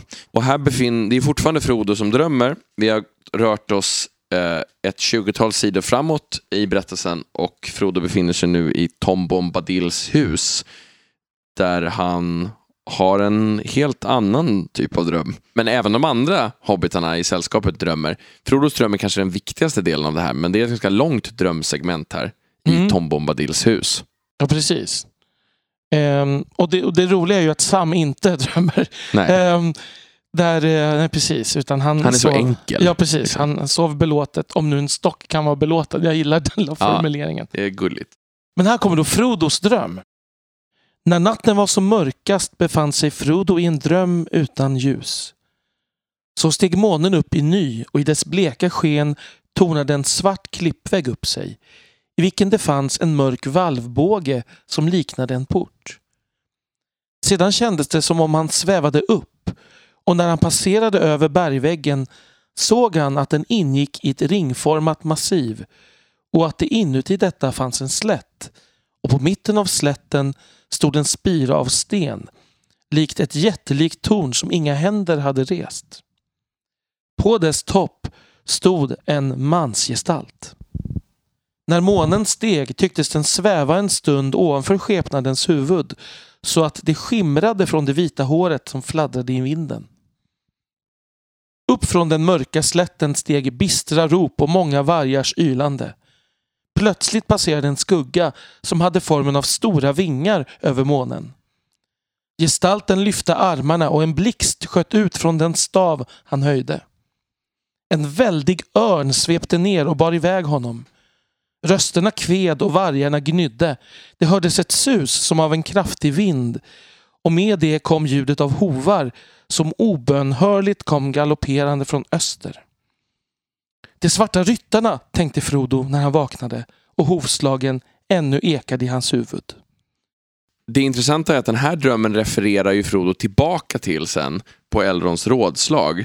Där Gandalf berättar vad som har hänt honom. Mm. Och då säger Frodo, jag såg dig. Eh, och, för han har ju sett precis det här. Mm. Eh, Gandalfs befriande från Orthanc. Och man, vi får också se en ganska smal detalj. Det här att när skolorna kommer, kommer till Orthanc för att eh, liksom pressa Saruman. Så vilket ju framgår mer till exempel i Unfinished Tales. Mm. Men det här är ju ännu tydligare en sann dröm Ja. än den förra. Den förra är ju en dröm av någonting som man längtar efter att få se och man råkar liksom få se som det faktiskt ser ut. Ja, precis. Det andra är ju, den första är ju mer som en faktisk dröm. Ja. Ja, men det här är ju en sanndröm fast händer inte exakt när det händer i verkligheten. Vet jag att han säger när han Mm. berättar för, Mm. för Gandalf. Att Precis. det inte stämmer liksom. Mm. Mm. Eh, så är det. Och det finns en liknande som vi inte kommer läsa i, i, i helhet på det här sättet, men en, en liknande parallell här Mm. är att just efter att man får läsa om um, Fatty Bolgers sammanstötning med Svarta Ryttarna så, så drömmer Frodo på The Prancing Pony om liksom, liksom hovar som dånar och en vind som blåser och horn som det blåses i, det vill säga hornsignalen där i Buckland. Liksom. Mm. Det. Så att Mm. det är som att den här varningen från Fatty Bolger smyger sig in i Frodos dröm. Det är också en, som ett sånt meddelande. Undrar om det är så att Frodo är extra mottaglig för det här för att han är en ringbärare. Så måste det ju vara. Mm. Det är inget som sägs uttryckligen. Men det, Nej, men det är väldigt mycket Ja. han som Ja. mm. levererar dem. Ja, så kan det mycket väl vara för att vi vet ju ingenting om hans drömmande innan han åtminstone hade ringen. Nej. Nej, för jag, jag tänker att det finns ju någon typ av eh, psychic connection mellan de andra ringbärarna. Jag tror inte tolken skulle använda det Nej. uttrycket. Det, det låter som en sån sådär filmkliché Ja, nu för tiden. exakt. Ja. Men att vi vet ju inte liksom hur den enda ringen, vad den hade för egenskaper. Men det kan ju mycket väl vara att den också fanns där. Att det är, är någonting som liksom Sauron så att säga, byggde in i den. Att, Mm. man blir med, att även han fick använda den som hjälp och kanske kunde se saker i drömmar Ja. som ingen annan kunde det se. sägs ju att Sauron känner av sina tjänare och Mm, har mm. kontroll. Det kan man ju absolut tänka sig att Mm. Frodo har inte förmågan och det här. Han kan inte men, styra den. Nej, precis. Men, men han får ändå någon sorts input som han Mm. själv inte har kontroll över Mm. utifrån den här makten att se längre än vanligt. Mm. Framför allt kanske när skolorna eftersom de är så tätt knutna till den Mm. ringens makt. Ja, för här tänker jag ju på scenen på äh, Amon Hen. Mm. När han sätter på sig ringen faktiskt och Ja. ser vad som händer i Lorien och i, i, Mm. vad är det, i da, Vidal, Erebor och sådär. ja. Ehm, att det nästan är ju också som en dröm, en sann dröm, fast han är vaken. Liksom. Mm. Ja. Så att det skulle ju kunna, verkligen kunna tala för att...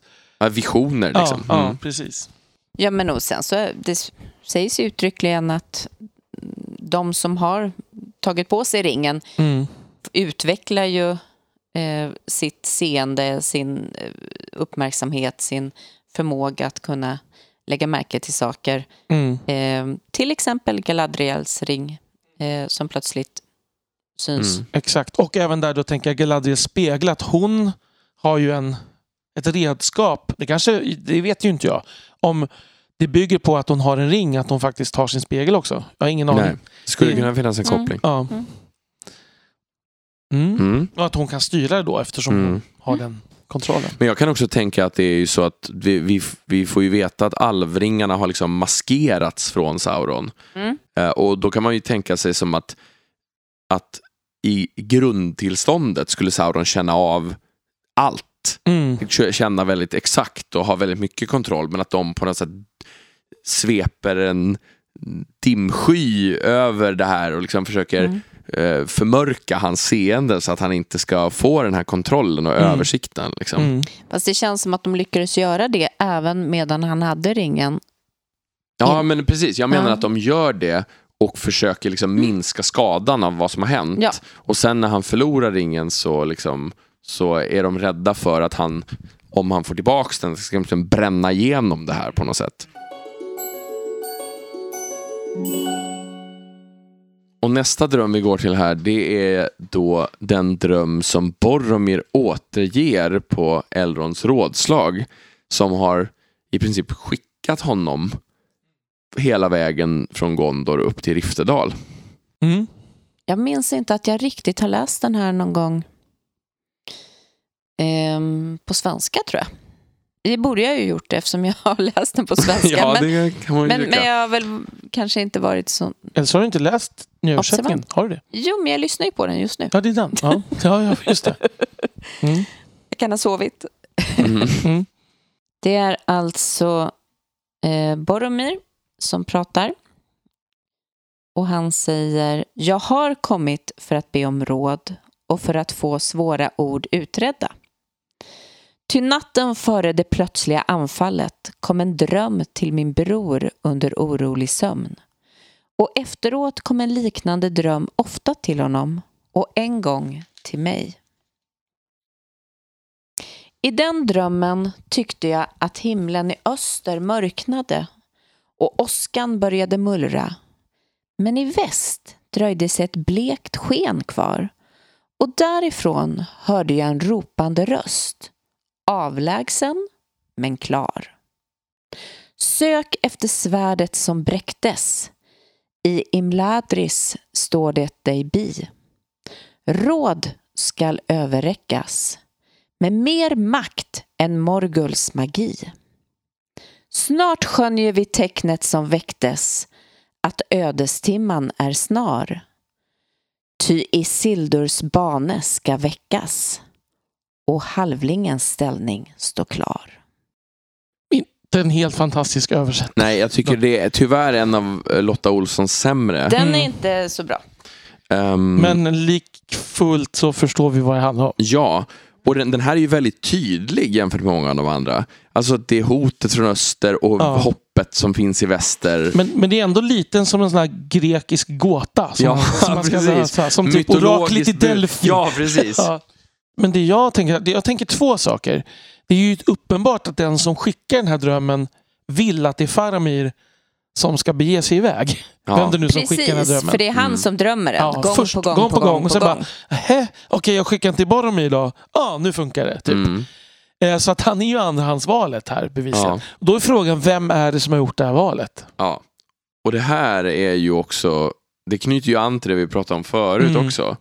Att det här med dröm, de här drömmarna, liksom, är det försynen? Alltså är det Gud inom citationstecken Mm. på något plan? Eller är det en aktör i kampen? Jag tänker ju inte att det är ett, en alv eller människa. Liksom här, Nej. utan jag tänker att det är något högre. Ja, det tänker jag också, absolut. och det här, men det här är så tydligt jämfört med många av de andra som är någon sorts visioner och liksom som ger en känsla. Det här är ju en uppmaning Mm. som bara sp- alltså det är, som upprepas lika frekvent som en sån här YouTube-annons. Ja. Sen kan, man, sen kan man ju också spekulera då. Om nu förstahandsvalet hade eh, Mm. varit den som drog dit, hur hade utgången blivit? Jag har ju svårt att tro att han har eh, utvecklats på det sättet som andrahandsvalet gjorde. Mm, det hade han nog inte. Nej. Eh, han hade säkert överlevt. Mm. Men vad hade det inneburit? Det hade säkert inneburit till slut att ingen inte hade blivit förstörd. Eller hur? Ja. Någonstans. ja. Mm. Ja. Nej, men liksom, det känns ju som att det som hände var enda möjligheten till att slutet skulle bli som det blev. Alltså, vi har ju ja, diskuterat det här ja, ganska många gånger precis. förut, liksom, om det fanns andra vägar och sådär. Men För ja, det är möjligt i och för sig att om Farmir hade berest och så hade Aragorn, men Aragorn hade följt med Faramir till Minas Tirith. Det hade han gjort. Ja. För det är ju det Aragorn tänker att han ska Ja. göra. Som, som jag nämnde tidigare här i avsnittet. Ja. Att Aragorn tolkar Boromirs dröm som en Boromirs och Faramirs dröm som en kallelse till honom. Mm. Så när han börjar tvivla om vad han ska göra, det är ju bara för att Gandalf har fallit. Mm. Innan det har han ju tänkt hela tiden att han ska till Minas Tirith och att Gandalf får ta ansvar för hobbitarna. Mm. Men jag är inte helt säker på att Faramir skulle ha tänkt att han skulle till Minas Tirith mm, efter att Gandalf har fallit. Nej, det är möjligt. Faramir skulle möjligen ha kunnat följt med Frodo istället. Ja, Ehm, Precis. Han har säkert, han, och då hade vi plötsligt haft en, ett helt jättegäng som skulle ta sig in där. ja, för, men Faramir hade ju kunnat vara till hjälp, till skillnad från många andra. Mm. Eftersom han faktiskt Ja, känner till närområdet. där, ja. Ja. Men, men de hade ju säkert inte med så många lyckats slinka in. De har Precis. inte det här omärkliga Nej. längre när de är så nära Mordor. Nej. Nej. Precis. Nej, men Ja, det många där är- intressanta funderingar där. Ehm, Mm. Men eh, ja, vem är det som, alltså är det bara, är det, nu sätter jag inom situationstecken, är det bara Gud så att säga? Alltså, det är jättefånigt uttryckt men det är lite, nästan lite för, det känns lite för, Lite banalt Ja, nästan. Ja. ja. Om det är en Guds vision bara, det kan ju vara en, en profetisk, Mm. alltså gammaltestamentlig, ja. liksom, ja, men det finns ju alltså det finns ju en tanke om försynen. Det här att det Mm. finns en makt som driver saker åt rätt håll. Och att Gandalf säger att det är meningen att ringen skulle komma till dig och så Mm. vidare. Men det känns ju mycket, försynen känns inte som att den jobbar med röster i fjärran Nej, som precis. berättar Det, är exakt. just, det var just det jag tänkte Ja, säga. ja. Att försynen är ofta mer subtil. Ja, precis. Liksom, det, här, det här är så otroligt konkret. Framförallt Ja. att den kommer så många gånger ja, drömmen. Bara, men, åh, liksom, säger försynen. Precis. Fatta någon gång Fatta då. någon gång, exakt. Nej, men det- ja, nej, så det här är jätteintressant. Och särskilt intressant är det att det blir som ett dubbelt budskap. För att Aragorn också nås av det Mm. tack vare då att Boromir åker dit. Och då också ser det så att det Jag tycker att det här påminner ganska mycket om någonting som jag, vi kanske kommer nämna sen, men Ulmos drömpåverkan i Silmarillion. Där han skickar drömmar till Turgon och till Finrod. Och, Precis, det var faktiskt exakt dit jag var på väg. Att det kanske känns som att det är snarare någon av de jepparna mm. Jepparna specifikt. Ja. Ja. som är igång och, och, och, och sådär äh, småpetar utan att egentligen hjälpa till på riktigt sådär liksom. Mm.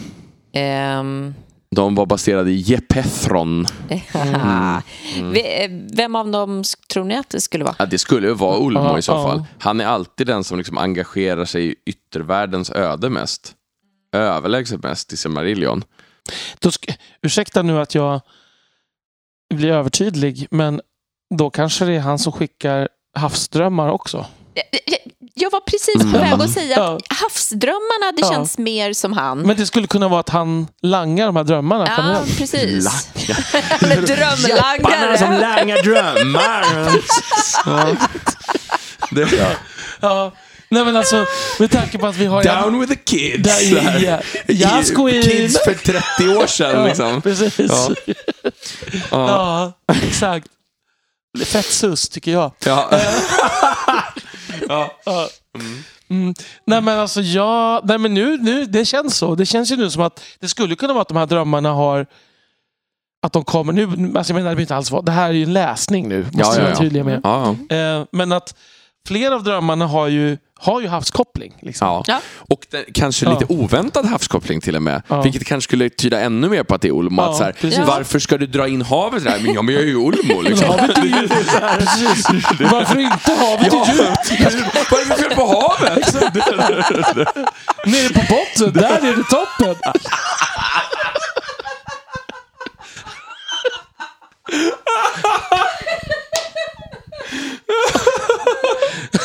Ulbo är en liten krabba.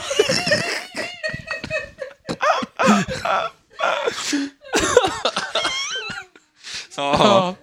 Oväntat. Vi har ju en Sebastian Ja. redan i, i Ja. Midgård, vid Ja. alla Peter Jackson. Frågan är om det är, är, är det Tolkien, H.C. Andersen eller Disney som vänder och vrider sig i sin grav. Alla tre. ja. Ja, exakt. Mm. Ja. Ja, eh, men, Ja. Nej, men det är inte alls en dålig läsning tycker inte jag. Nej. Nej, varför Nej. inte? Den är, ju liksom? väldigt, den är ju väldigt konkret, men varför inte? Mm. För det här är ju en väldigt konkret dröm också. Ja, Mm. Så, för om den hade varit mer mystisk och svårtolkad och bara hade kommit en gång och innehållit symboler snarare än en hel dikt med Ja. liksom uppenbara liksom, så här, Precis. Ja. eh, då hade man kunnat tänka mer att det bara Ja. var någon sån här, det här, det här är ett tecken. Liksom. Ett, hjär, ett allmänt hjärtecken, men det här är ju liksom påverkan. Det roliga är att liksom, försöker ju vara subtil först. Seek for the sword. Så bara, In Ibland is it wells. Bara, Då är det ganska tydligt vart man ska ta vägen. Precis. Ja. Han, bara, han insåg att han hade skrivit första raden, bara, Ja. de har ingen aning om vad det är Nej, någonstans. exakt. Mm.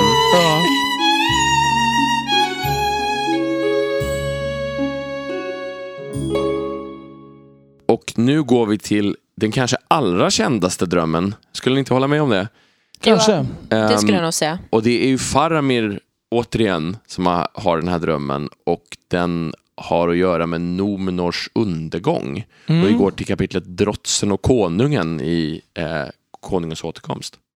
Och där är ju då eh, Faramir och Eowyn som, som ehm, vad kan man säga, läks tillsammans där i Mm. Helandets hus. Eh, som, har en, som samtalar här då. Eh, och då är det så att det kommer ett, alltså de ser ett berg av mörker och flimrande blixtar och hela jorden liksom skakar och det skälver och murar darrade. Liksom. Eh, och då säger Faramir det får mig att tänka på Nomenor, sa Faramir, förundrad över att höra sin röst. På Nomenor, sa Eowyn. Ja, sa Faramir, på Västernes land som sjönk. En stor mörk våg störtade in över grönskande marker och över kullarna. Den välde fram i ett mörker som ingen kunde undfly. Jag drömmer ofta om det. Mm. Och då är det ju så, bara för att ge lite eh, kontext, Kontext. här. Ja, Ja. precis. Så eh, är det ju så att den här drömmen är ju eh, Tolkiens egen dröm faktiskt. Och han skriver i ett brev till WH-orden eh, 1955 skriver han det här. Eh, jag har vad somliga skulle kunna kalla ett Atlantiskomplex. Möjligen nedärvt. Fast mina föräldrar dog allt för unga för att jag skulle kunna veta sådant om dem. Och för unga för att överföra sådant med ord. Nedärvt från mig, antar jag, till endast ett av mina barn. Fast jag inte visste detta om min son förrän nyligen. Och han visste det inte om mig. Jag menar den hemska återkommande drömmen sedan så tidigt jag kan minnas om den stora vågen som tornar upp sig och oundkomlig sveper in över träden och de gröna fälten. Jag lät Faramir överta den. Jag tror inte jag haft den sedan jag skrev Nomenors fall som den sista av legenderna från första och andra åldern. Jag kan passa på att säga att brevet var ju eh, översatt av Bergont Anders Stenström. Alltså jag tycker alltid att det här är så s- starkt. Just det här, eh, det som är i verkligheten, liksom. Att han inser att hans son drömmer Mm. samma, Mm. samma typ av dröm. ehm, och att den påverkar honom så starkt att han låter Faramir Mm.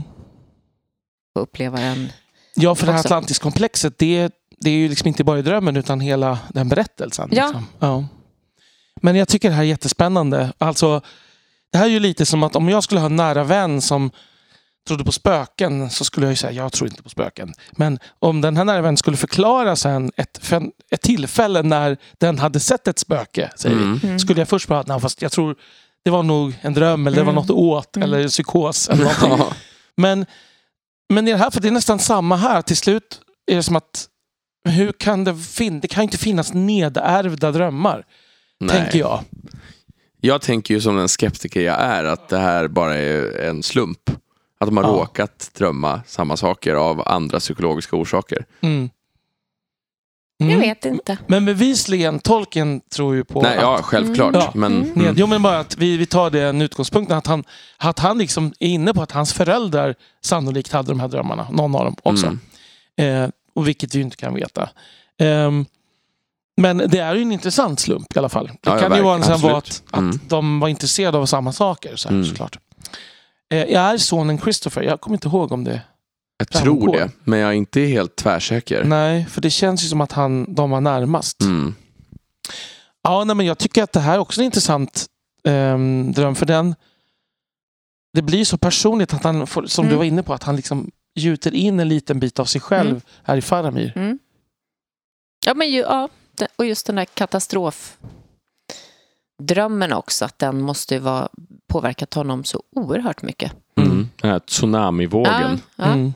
Och också att det är väl liksom hela upphovet till att han känner behovet av att bygga in ett Atlantis i Mm. Mm. sitt Mm. mytbygge. Mm. Att Mm. han har den här Mm. liksom, visionen på något sätt.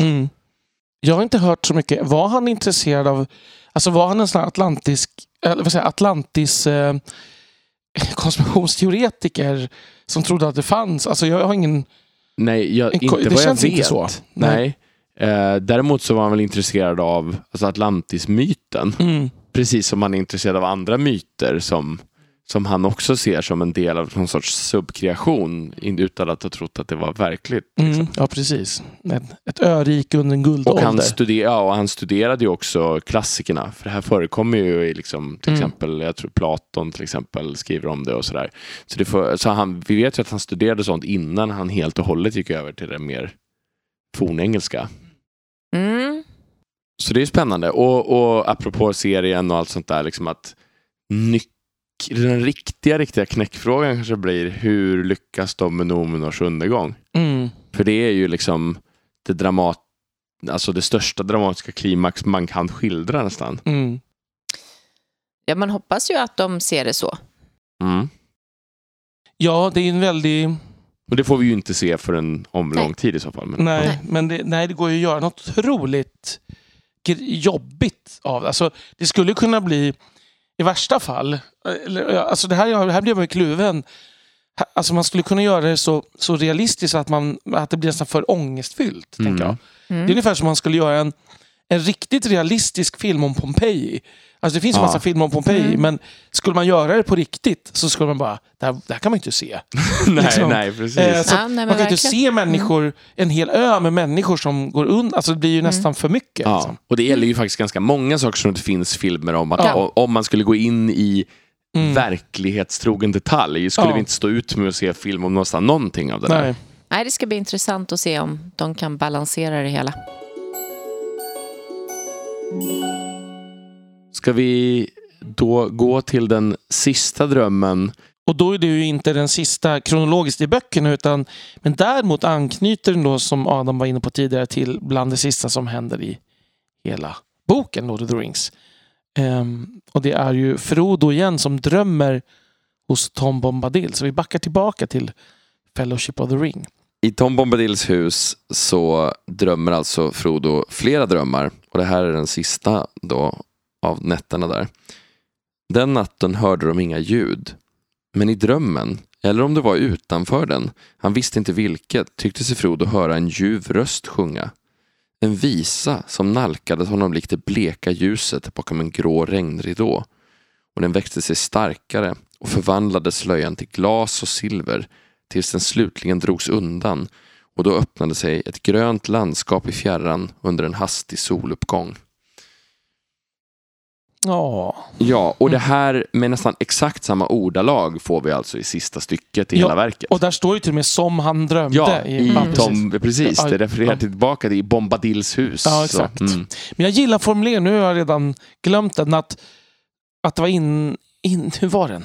Jo, jag gillade formuleringen men i drömmen eller om det var utanför den. ja, Mm. I drömmen, men jag tänker så här, utanför drömmen ja. känns ändå inte som att det betyder att han är vaken. Nej, men Nej. det knyter ju an till precis samma sak här, Ja. tänker jag. Ja. Vad är drömmen och vad är inte drömmen och Mm. sådär. Var kommer den ifrån? Ja. Och ja, jag tycker det där är väldigt spännande för det här är också en vision. Ja, Och han har ju rätt i visionen. ja, alltså han ser ju en, samma sak som han senare ska Mm. komma att Mm. skåda på Ja, riktigt. här är det ju, gäller det dessutom honom själv. Ja, Men frågan är ju, vad är det för röst han har som, som sjunger? ja, det är spännande. Mm. Är det Into the West? Ja, det, det Ja, är men Annie precis, Lennox. ja. Precis. Sämre kan man höra. Ja. precis. Tolkien var liksom, hade lite koll redan innan Ja, där. precis. I think there will be a band called Eurythmics. Ja. And inevitably Ja. there will be a band called Eurythmics. Ja, nej men och den här är ju väldigt fin.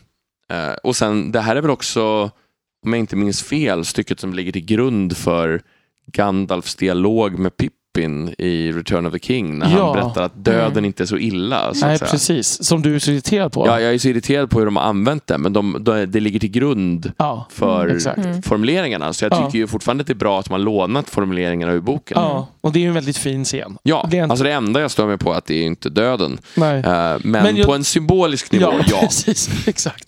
Vill du ta den igen? Nej, Nej. det är precis. Jag är Förlåt. fullt medveten om detta. Mm.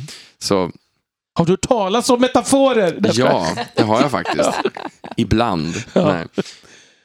Ehm, ibland har jag hört talas om det. Ehm, men det, ja, för jag, jag tänker även med de här exemplen så liksom återknyter vi till det vi kom fram till när, man, när vi liksom gick igenom de här snabba exemplen Mm. många gånger. Och, och jag fick en association direkt ehm, när jag läste de här.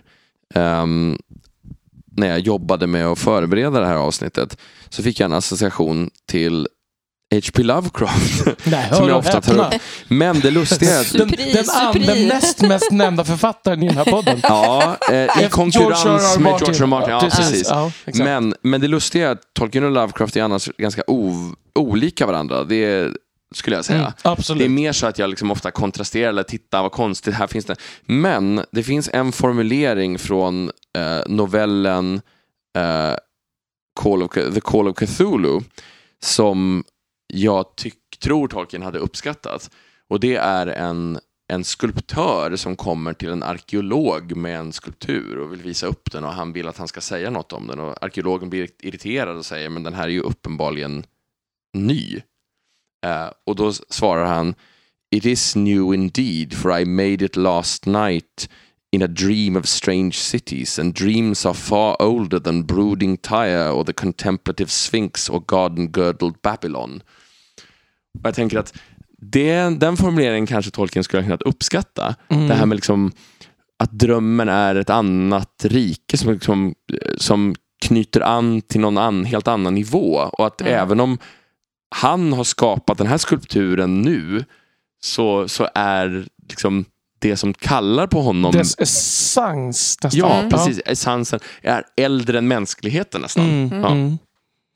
Och jag, Mm. vi, vi tjuvpratade, jag är ledsen Elisabeth, nej, men vi, Ja. Adam och jag tjuvpratade lite på, På jobbet, fikarast. ja. Mm. Och det jag började fundera över är om tolken ser på drömmar lite på samma sätt som på sagor. Nämligen att ehm, Alltså att de säger någonting som är mer sant än sanningen i vissa lägen. Liksom.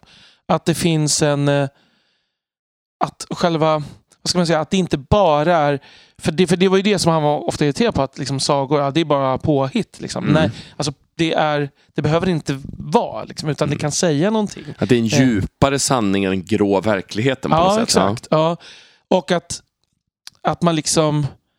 som subkreator då, som Tolkien såg sig själv. Mm. Alltså kreatorn, skaparen var ju Gud. Liksom. Mm. Men vi människor har då förmåga att vara subkreatorer. Mm. Att man då kanaliserar det här sanna genom sagor till exempel. Eller genom myter. Eller genom eh, tro. Eller genom då drömmar kanske. Mm. Skulle det kunna vara så. Mm. Eh, nu är inte Tolkien här och kan försvara sig. Så att, Försvara sig. eh, eller förklara, Förklara detta. sig. Förklara sig, ja.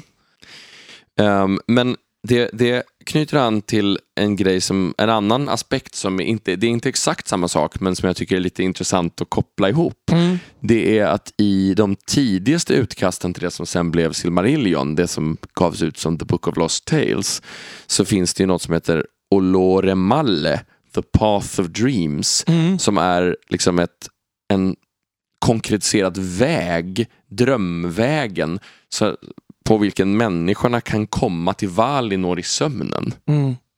Absolut. Och det Mm. jag tänker, det, både, det knyter an till både ditt resonemang och till Frodos vision Mm. om, som visar sig vara hur Valinor ser ut, tänker jag.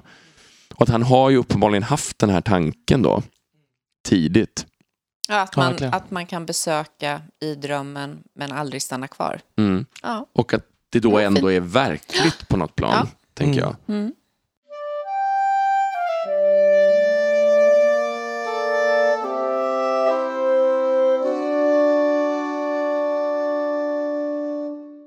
Ska, ska vi ta ett, ett lite apart spår här som avslutning? Det blir bra. Ehm, för jag tänker, mycket av det som är från Silmarillion behöver vi inte gå in på. Irmo som styr över drömmarna kan vi bara nämna att vi har, vi har tänkt på honom. Liksom så här. Och vi behöver inte gå in på, många av Olmos drömmar, drömvarningar har vi redan pratat om. Så vi Mm. behöver inte gå in på det så speciellt.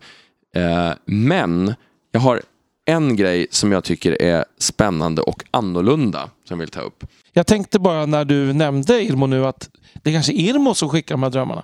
Ja, det är sant. Han är ansvarig för drömmar. Ja, han, är, han är Morpheus i The Sandman. Precis. Mm. Det intressanta är att i utkanten i The Book of Lost Tales, så om jag minns rätt, så, så är det, det är vallmo och månljus Ja, sådär, som han ja. liksom skapar av. Och då börjar man ju undra, så, Ja. mm, vad är det här Det är, egentligen? det är Skalman och Trollkarlens röda blomma. Precis. Eragord, som precis. Mm. trollkarlen heter där.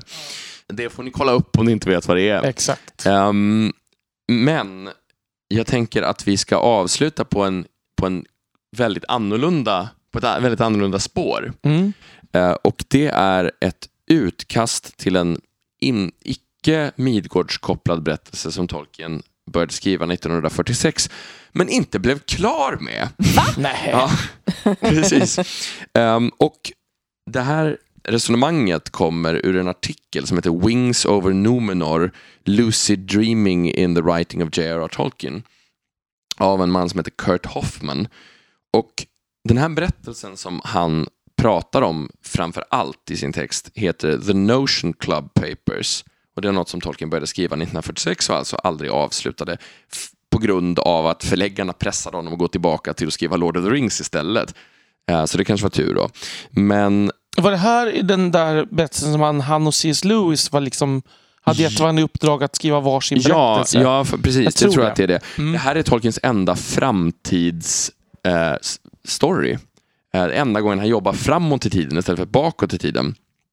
Okej. Och The Notion Club Papers är alltså ett, eh, en oavslutad berättelse som Tolkien skriver, där berättelsen låtsas vara anteckningar från ett författarsällskap som heter The Notion Club, som är ungefär inklingarna i, i, i liksom disguise. Ja, för to have a notion, to have an inkling ja betyder dessutom Det är typ precis. samma sak. Ehm, och det här är alltså skrivet 1946, men det låtsas vara anteckningar från 1980 till 1990, Åh. framtiden. Mm. Och det låtsas då också att de här anteckningarna hittas 2012 och publiceras 2014, skriver Tolkien 1946.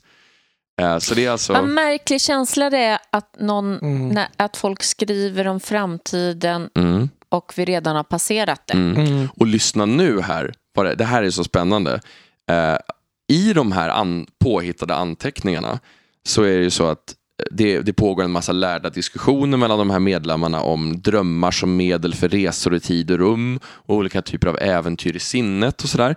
Men det avslutas och sen bara försvinner det abrupt efter det här på en apokalyptisk ton när flera av de här medlemmarna börjar få visioner om kommande kataklysmiska stormar. Och sen plötsligt så tar berättelsen slut. Mm. Ah. Man, tänker, nu, man börjar ju genast tänka extremväder, liksom så här. Ja, precis. The Twilight Zone. Ja. Men är det inte spännande? Jo, det är alltså, det. här är ju... Ja, men vä- vänta. Vad, ja, är det inte 2012 dessutom som är den här eh, Maya...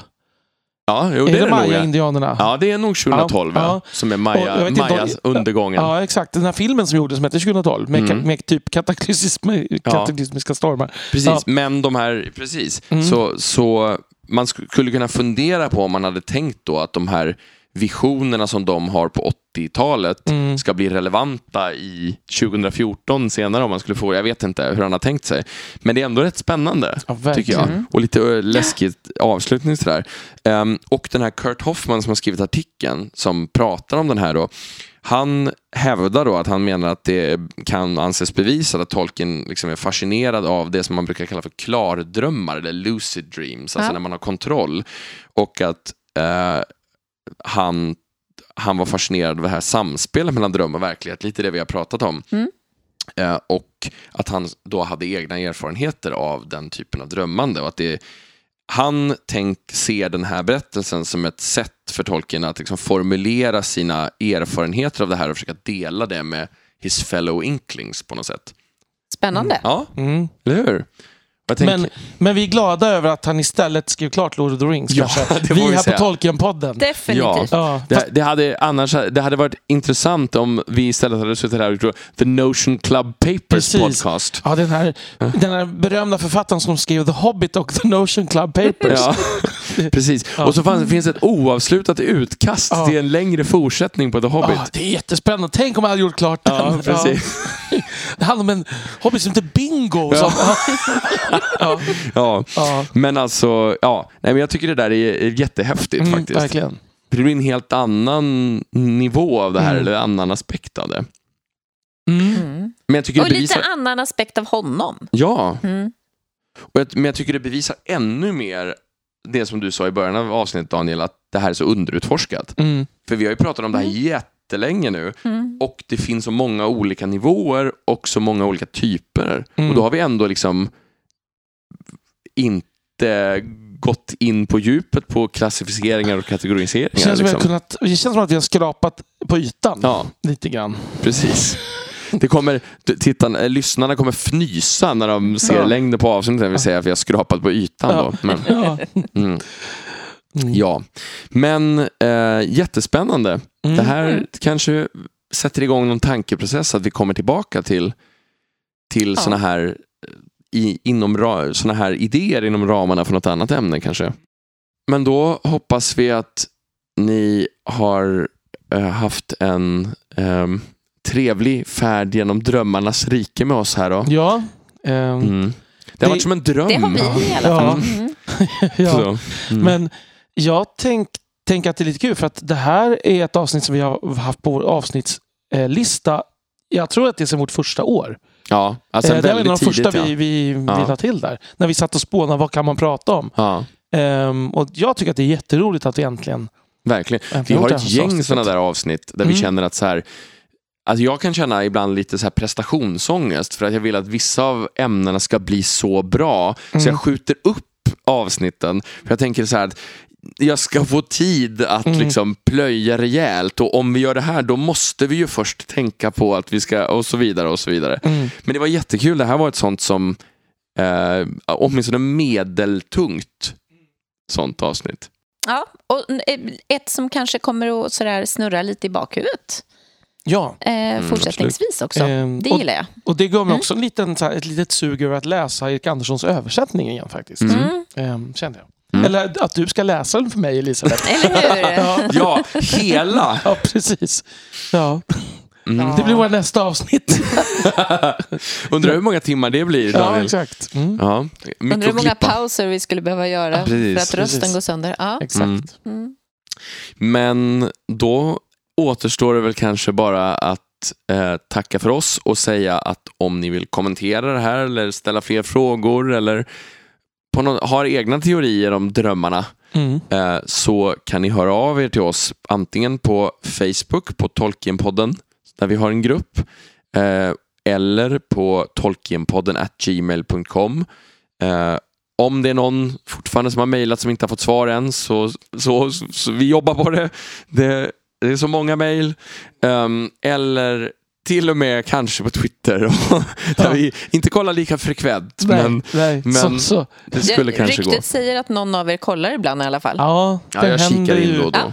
Ja, Bra.